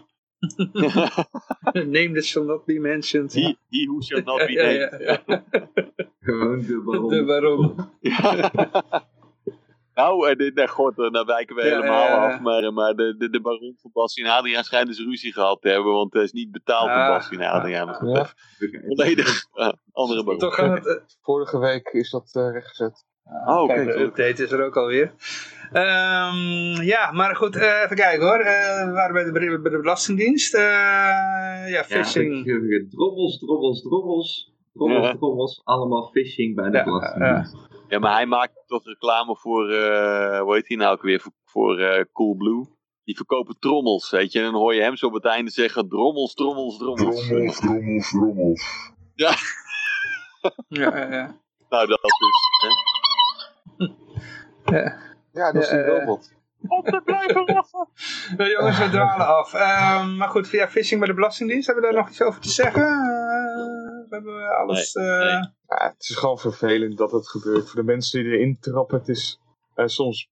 Ja, de- tenminste, ik, ik ken die trucjes wel en ik heb er dagelijks mee te maken op het werk. Maar dit soort trucjes, als je erin trapt, ja, het is gewoon kloten voor de mensen. Vooral als je weinig geld hebt. En eh, ja, eh, lastig om mensen ook aan het verstand te brengen dat ze niet op dat soort eh, sms'jes of eh, whatsappjes of e-mail moeten reageren. Ja, ik was zelf ook nog in, in, Normaal trap ik je daar nooit in, weet je wel. Ik, eh, ik had laatst eh, bij een exchange had ik een, eh, een storing. Dus ik ging even naar de Telegram groep toe en ik zeg, nou ja, ik heb een, probleempje. En ik kreeg meteen een reactie en een persoonlijke PM, weet je wel. Terwijl er boven staat, reageer niet op PM's die namens ons gedaan worden. Weet je wel, dus eh, wij geven eerst een referentie in de chat, weet je wel. Dus ik was er toch ingetrapt, dus ik zat meteen te praten. Wat is jouw login? eh je e-mailadres? Dus ik gaf een e-mailadres. En later eh, kreeg ik dus een reactie in de chat. Toen dacht ik, oh shit, dit is dus ne- nep. Ja, gelukkig heb ik mijn wachtwoord niet gegeven hoor. Zo- stom was ik ook niet geweest. Maar Nee. ja, je moet inderdaad alert blijven, ja. Ja, Nou ja, wat, wat je wel kan doen als je een beetje verstand Mhm. hebt en je hebt eh, controle over eh, het systeem waar het Mhm. over gaat, dan geef je een netwachtwoord of kijk je waar die vandaan komt en wat voor IP-adressen nog Oh, ja, meer ja, eh, erop zitten. En dan kun je die in ieder geval blokkeren Ja, netwerk. Dus het is op zich ook wel een grappige manier om schade te voorkomen. ja. Ja, maar even kijken. we het? Volgende bericht. Limburg zet... ehm, oh jongens, oh god. Hartstikke idee. Ja, Het zet militairen in als boa Ja, in buitengebied. in. Bewust ontwijkende ambtenaren. Eh, Oké. Ja, maar dit is voor mij, ja, nu, nu is het ineens, eh, ja, dat is een soort van bericht eh, dat, dat nieuws is waarschijnlijk. Omdat er dan van Defensie mensen voor de provincie gaan werken. Dat is een andere werkgever ineens. Hè. Maar voor mij is het gewoon een broekzak-vestzak verhaal. Het is allemaal belastinggeld. Ja, de provincie leeft ook grotendeels van provinciefonds. En natuurlijk eh, voor een aardig deel van wegenbelasting ook. Maar ja, daar zit ook gewoon al belastinggeld in. ja. Dus ik, eh, Alleen ja, ja, het is ik- natuurlijk. Kijk, en de, het leger eh, dat patrouilleert ook al op Schiphol. En eh Marché is daar namelijk actief. Ja, of je nou Marché of POA of eh, politieagent bent, het is uh, hetzelfde pot nat als je er een bekeuring door kan krijgen. Wat ik wel denk is dat hun eh, bevoegdheden minder zijn. Dus eh, dat ze daar misschien Boa's. soms nog moeten wennen. Ja. Ja. dus dat ze als zij als BOA gaan werken, dan mogen ze niet dezelfde dingen doen die zij als militair wel mochten. Hm. Klopt. Gelukkig maar. Ja, gelukkig maar, inderdaad. Maar dat, dat is voor, ik weet, eh, ik weet, ik heb onderzoek gedaan ooit bij de luchtmobiele brigade in Assen. En ik weet dat militairen, dat, eh, die ervaren hun militair zijn als een levenswijze. Die zien het niet als een beroep, dat is, het is echt een manier van leven. Die kunnen ook niet, als ze door een stad lopen, eh, anders lopen dan in marstempo. Die vinden iedereen te langzaam lopen. Dus Cool, dat, dat zal nog best een klusje worden, zeg maar. Dat ze zich dan in een soort van boa-keurslijf moeten gaan Ja, wringen. heel langzaam slenteren. Ja, dan moet ze alles, dan moet ze alles ontwijken. Ja. Ja, precies. Dat ze dan ook gewoon net zo inefficiënt zijn als de boa's. Ja. Ja. Kan nog lastig Dan een worden. beetje op rustige plekken rondhangen. Daar eh, brave burgers eh, nog even een bekeuring eh aansmeren.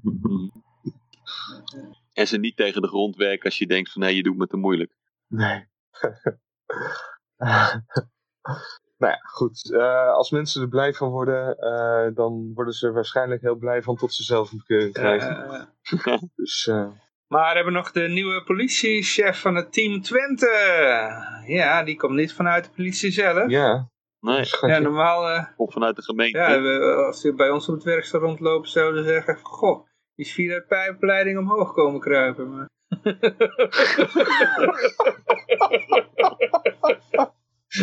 Wauw, lekker. Oei, oei, oei. nou, het hoeft niet te zijn dat dat in werkelijkheid ook zo is, hier ook zo is gebeurd hoor. Maar, eh, Nee, wat ik eerder denk eigenlijk is dat het heel lastig was om iemand voor die functie te vinden. En dat ze toen bij die... eh eh, daar bij dat politiekorps Even- dachten van hé, hey, eh, we, we zoeken gewoon iemand die, eh, die bestuurservaring heeft. eh, eh, eh, Weet je, datzelfde zie je bij heel veel, heel veel overheidsafdelingen. nou, je zag het bij Annemarie Jorritsma bijvoorbeeld. Die, heeft, eh, die is eerst bij twee verschillende ministeries minister geweest. En vervolgens werd ze eh, burgemeester van Almere. En daarna voorzitter van de Vereniging van Nederlandse Gemeenten. Dus ja, je moet gewoon een beetje kunnen besturen, zullen we maar zeggen. Je- Voor wat betreft de overheid. En dan is het allemaal wel goed. De inhoudelijke ervaring doet er niet zo het is gewoon een ervaren slavendrijfster. Dat is het, ja. Nou goed, het is wel fijn als je enige affiniteit hebt met de business eh, waar je in zit. En als je niet bij de politie werkt, kan het zijn dat je af en toe besluiten gaat nemen die nogal dommig eh, overkomen. om- omdat dat niet strookt met de realiteit. En ja, goed, daar is het dan op wachten. En in het slechtste geval voor haar gaat het dan ook echt iets goed fout door. En ontstaat er heel veel onrust en moet ze alsnog wieberen. Mhm. Maar eh, als het wel goed gaat, nou ja, mooi voor haar. En eh, ja, als ze besluit om eh, niet meer voor elke 4 km per uur te hard en ook niet 20 km per uur te hard een bekeuring te geven, dan eh, is, vind ik het de top 5 in ieder geval. Ja, dan- dan- Zou het niet, zou nog wel kunnen zijn inderdaad omdat ze van buiten komt. eh, dus niet van binnen die politiecultuur. Dat ze inderdaad een hele andere kijk op de zaak heeft, weet je wel. Dus, eh, ja. ja, maar ze komt vanuit de gemeente, hè, vanuit Oh, de ja, gemeente ja, ja, Deventer. ja. Oh, Laten we het hoofd van afsluiten zeggen dat we eh, de- op de eerste doorbraak wachten. Hè? de eerste doorbraak. Eh, Door de nieuwe aanpak. eh, Oké. ja. Hm. Maar goed, ja. Goed, de, de, de politie experimenteert. Ja, hè? ja, ja. Ja, leuk, leuk. dat is goed. leuk.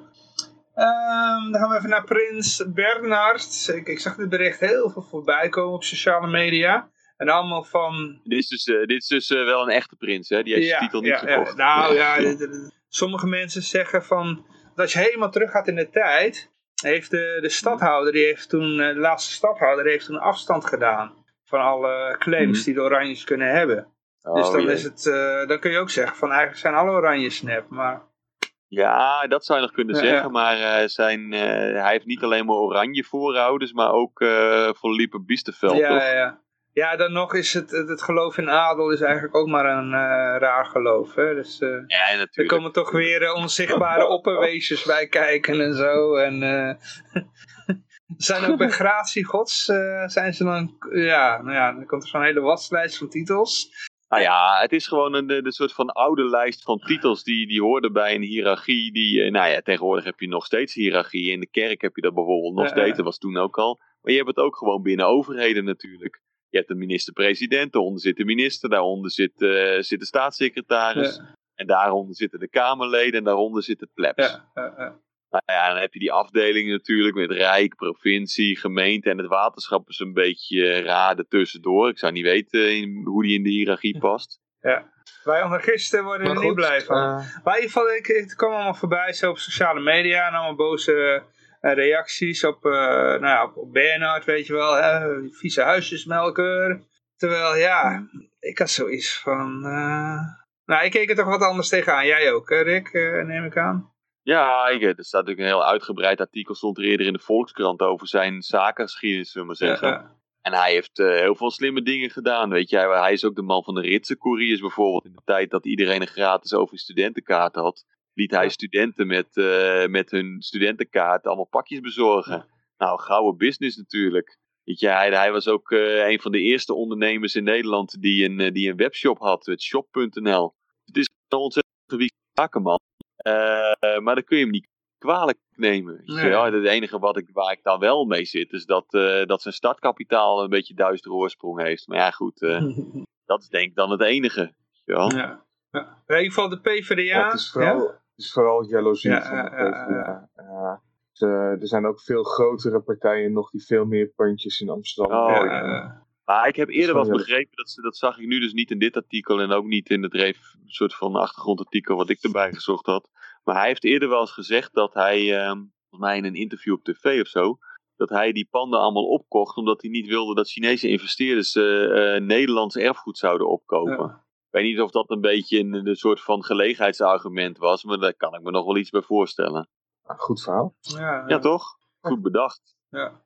Ja, Nou goed, ik eh, hoop dat het hem zakelijk gewoon goed ver- vergaat. En eh, dat de mensen die geholpen zijn door eh, van hem een woning te kunnen huren, dat die, dat die er ook blij mee zijn. En, en dat is eigenlijk het enige wat telt. En wat anderen ervan vinden, boeit Ja. echt gewoon totaal niet. Nee, het schijnt een beetje dat tussenpersonen nog wel eens wat eh, onhandige dingen gedaan hebben. Maar dat, ja, daar was hij zelf ook niet verantwoordelijk voor. En daar heeft hij ook afstand van genomen.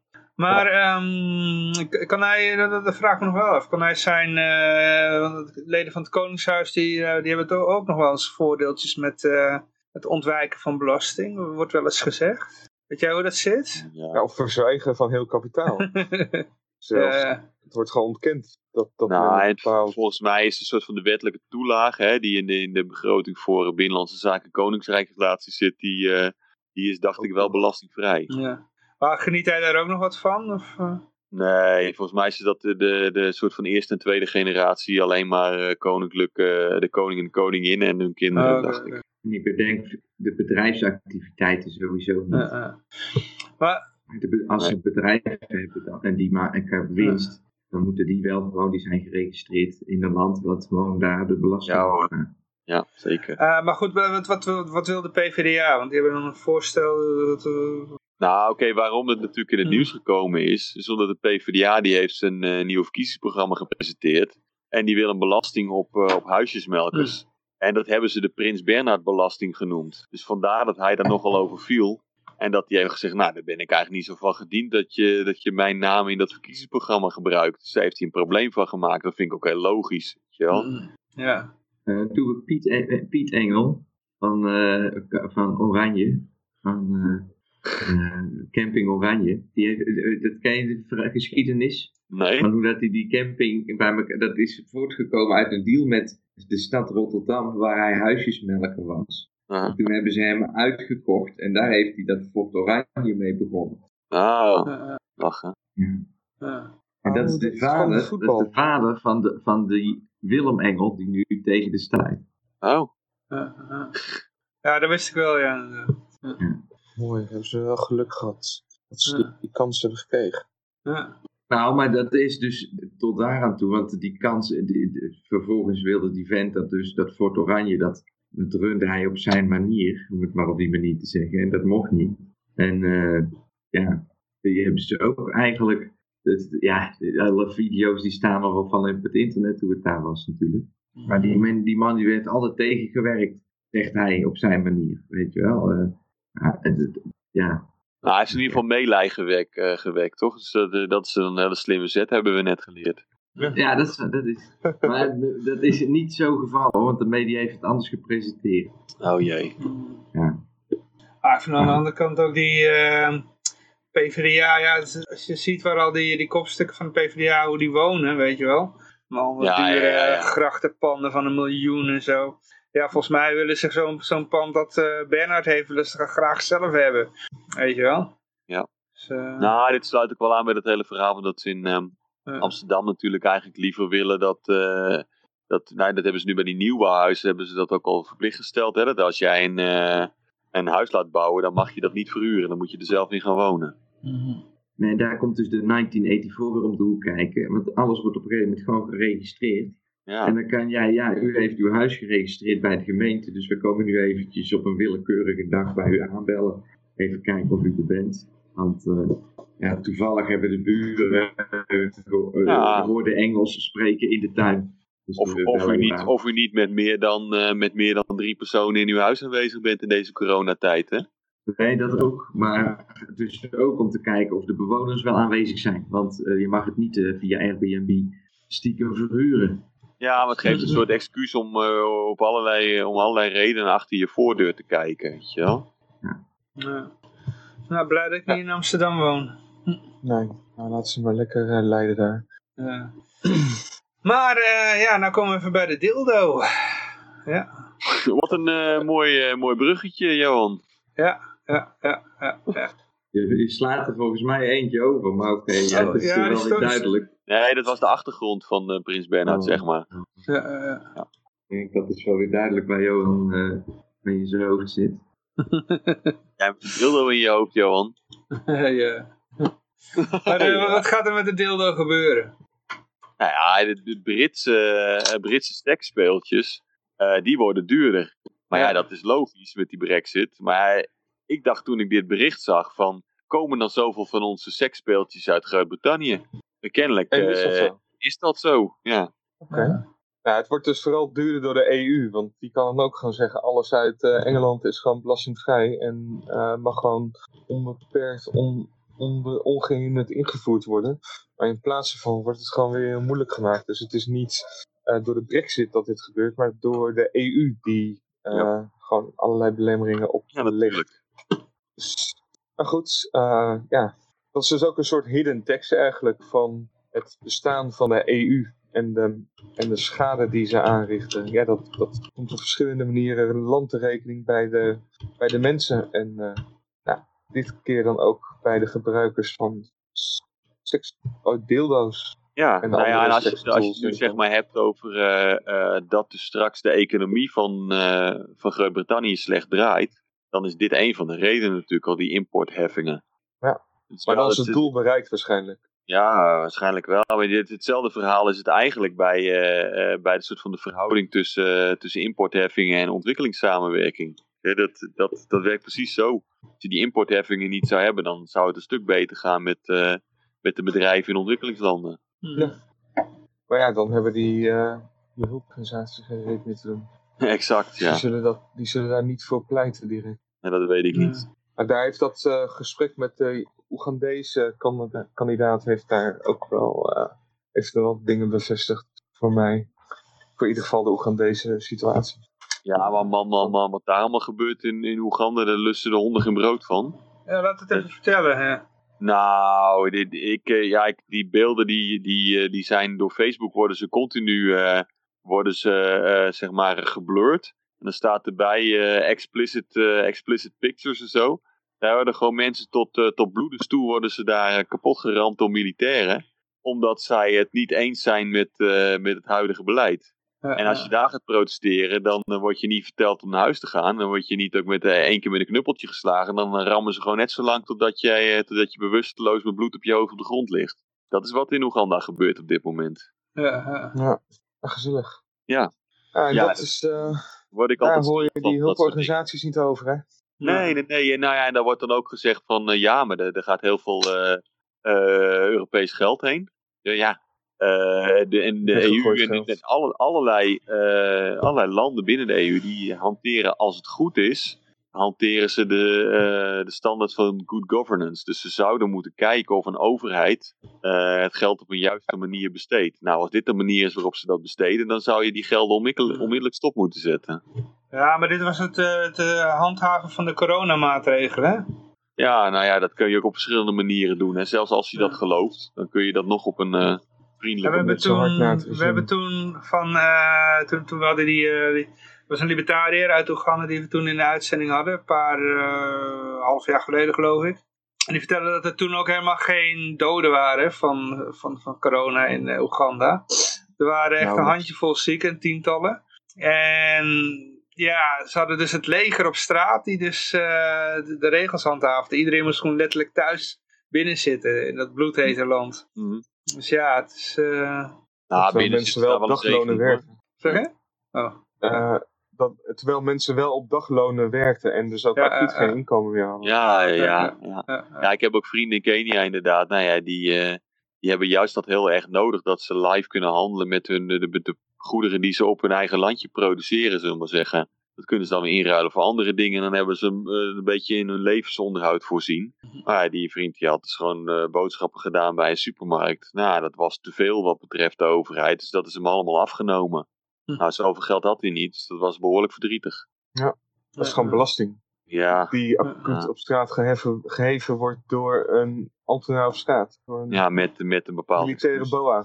Ja. Die vervolgens waarschijnlijk dat eten zelf opeet. ja, wat gebeurt er dan vervolgens mee, hè? Inderdaad. Ja, ik ken, ik ken ook een verhaal van een kennis die ik ken in, eh, in Oeganda. Die, eh, eh, die nam even een verkeerde afslag. en die werd meteen aangehouden door een stel militairen. Hm. En de, die mitrailleurs gingen ook recht, het raampje moest naar beneden. Nou, de mitrailleurs zo huppa in de, in de auto.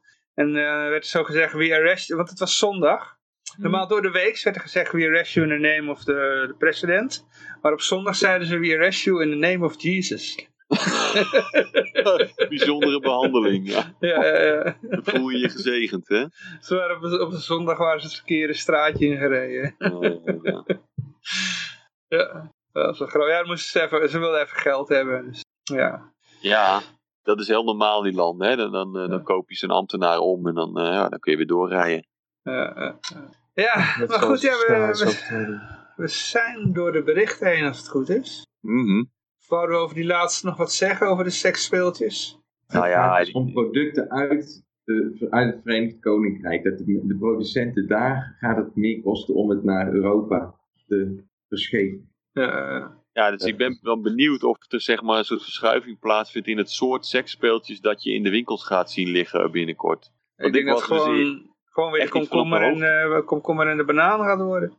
Dat kan ook, maar ja, ook kan ook Chinese prut zijn. En daar zitten natuurlijk wel allerlei oplosmiddelen in die synthetische Ja. rubbers. Krijg je Ja, ja. daar weer gedoe over, hè? En als, eh, als dat, dat te, te, te klein voor je is, dan kun je nog altijd naar de aubergine. Ja. Ja, nou, in, vroeg, in de vroege tijden was het volgens mij werd het gewoon van hout gemaakt. Oh, ja, ja. Hout. Die houten dildo's, Dat zijn hele oude houten dildo's hè? Eh, ja, gewoon natuurlijk netjes eh, geschaafd en zo, dat soort dingen allemaal. Eh, ja. Nou, grappig. Ja, Ja. Dat is wel aan te raden dat je geen splinters hebt in ieder geval. Nee, dat, eh, Nee, ik, kan ook, ik, kan ook vragen, ik kan ook vragen over eh, de, de toespraak van Trump van gisteren. Oké, nou dan kunnen we nog even erin gooien. Nee, nee, nee, nee, nee. Ik, nee. Er niet zo mee bezig. Hij heeft voor het eerst nou een uitspraak gedaan dat hij dus nog steeds in de strijd is om het presidentschap. En. Dat hij het betreurt dat zijn tegenstander ondanks de afspraak al een overwinning heeft uitgeroepen. Ja, ja. En eh, ja, dat heeft hij... eh, Maar Biden is ook allemaal al eh, poppetjes aan het uitzetten. Hij is zijn hele, zijn hele beleid al aan het uitstippelen. En dat kondigt hij ook aan in de pers en die gaat er echt ruim in mee. Want Trump die heeft natuurlijk veel te veel kritiek gehad op, eh, op de media. Dus die staan eh, massaal aan de kant van Biden op dit moment. Ja, ongeacht wat er uiteindelijk uitkomt, heeft Biden op dit moment wel gewoon een soort van de publieke opinie mee, volgens mij. Of in ieder geval de media-opinie. op ieder Facebook bericht wat je plaatst, wat betrekking heeft op de presidentiële verkiezingen in de VS, wordt een label geplakt waarop staat Biden is de verwachte winnaar van de verkiezingen. Ah, Op, op, eh, op Twitter hetzelfde en, en dat is op die manier wordt er echt wel... eh, Eh, Ja, maar dat is op zich wel een realistische uh, uitspraak. ja, maar, ja, maar waarom zou je dat nu onder, onder ieder bericht zetten? ja, zeg maar maar, Furman Supreme, Furman Supreme die kreeg dat niet. Hè? Die had zichzelf ook uitgeroepen tot winnaar. En die deed ook zo in zijn eh, Furman Supreme eh, outfit deed hij ook nog een leuk dansje erbij. Maar die kreeg die melding niet, hè? Ik kan, ook- ik, ik kreeg, ja, kan je ook nog vertellen dat de, de, de titel van Trump op Facebook was eerst president van de VS en die Ja. hebben ze veranderd Ja, ja, ja. ja. naar politiek kandidaat. Ja, de Twitter-account van de POTUS, de, de President of the United States, die is ook, eh, dat, die, die, dat account is nu naar Biden gegaan. Oké. En dat zijn dus allemaal van die manieren waarop dat eigenlijk mensen zich een beetje in, die, in de kaart laten kijken. Want ja, ik heb gisteren wat, eh, wat eh, Trump-coins gekocht, om het maar zo te zeggen. Oh god. Die je allemaal gedumpt had eh, vier jaar ja. geleden. Als Trump, als Trump het nog, nog ziet zitten om het te proberen, wie weet wat hij nog voor elkaar krijgt. Op de 14e wordt er gestemd daar. Ja. Dus dat dat even. eh, Waar wordt er over gestemd? nou, ze hebben, nu hebben de mensen die in die staten wonen, hebben kiesmannen aangesteld. En die kiesmannen die gaan stemmen op 14 december. En dan wordt de president vastgekozen. Oh, dan kan het ook nog zijn dat die, eh, dat die het dan nog wel wordt. Ja, nee, precies. Dus dat is gewoon een mogelijkheid. En dat Ja, is nou één grote lobby. wat- ik grote begrepen heb is dat die, die hele, eh, al die bezwaren die die nu uiten, eh, dat die passen binnen een soort scenario van een, eh, van een president eh, die, eh, die bezwaar kan maken tegen een uitslag. En dat staat er gewoon letterlijk zo in, in de wet staan al die stappen zo beschreven wat zo'n oud-president dan moet doen. eh, om te zorgen dat hij dat succesvol kan aanvechten. Dus dat hele proces schijnt hij nu te volgen ook. Letterlijk Ja. zoals het in die, in die wet staat. Ja. En die, dat recht heeft hij. Dat, dat heeft hij. Ze proberen dus eigenlijk nu, in de, de, de, de media proberen dus nu in de, in, in, in, de- in de sociale media en alles, proberen ze dus het uh, de, de beeld zo te vormen. Uh, zodat misschien als een kiesman op Facebook zit en die denkt van ja, nou iedereen vindt Biden president. Oh, laat ik dan toch maar als kiesman op Biden stemmen. Ja, eigenlijk een soort indirecte beïnvloeding van de kiesmannen, zeg maar. Uh, Ja, niet dat er nou gek veel wijzigingen zullen Nee, komen. nee. Weet je. Net zoals jij al zei, van, er is zo'n kiesman die stemt al jarenlang op een overleden eh, eh, Indian chief. Ja.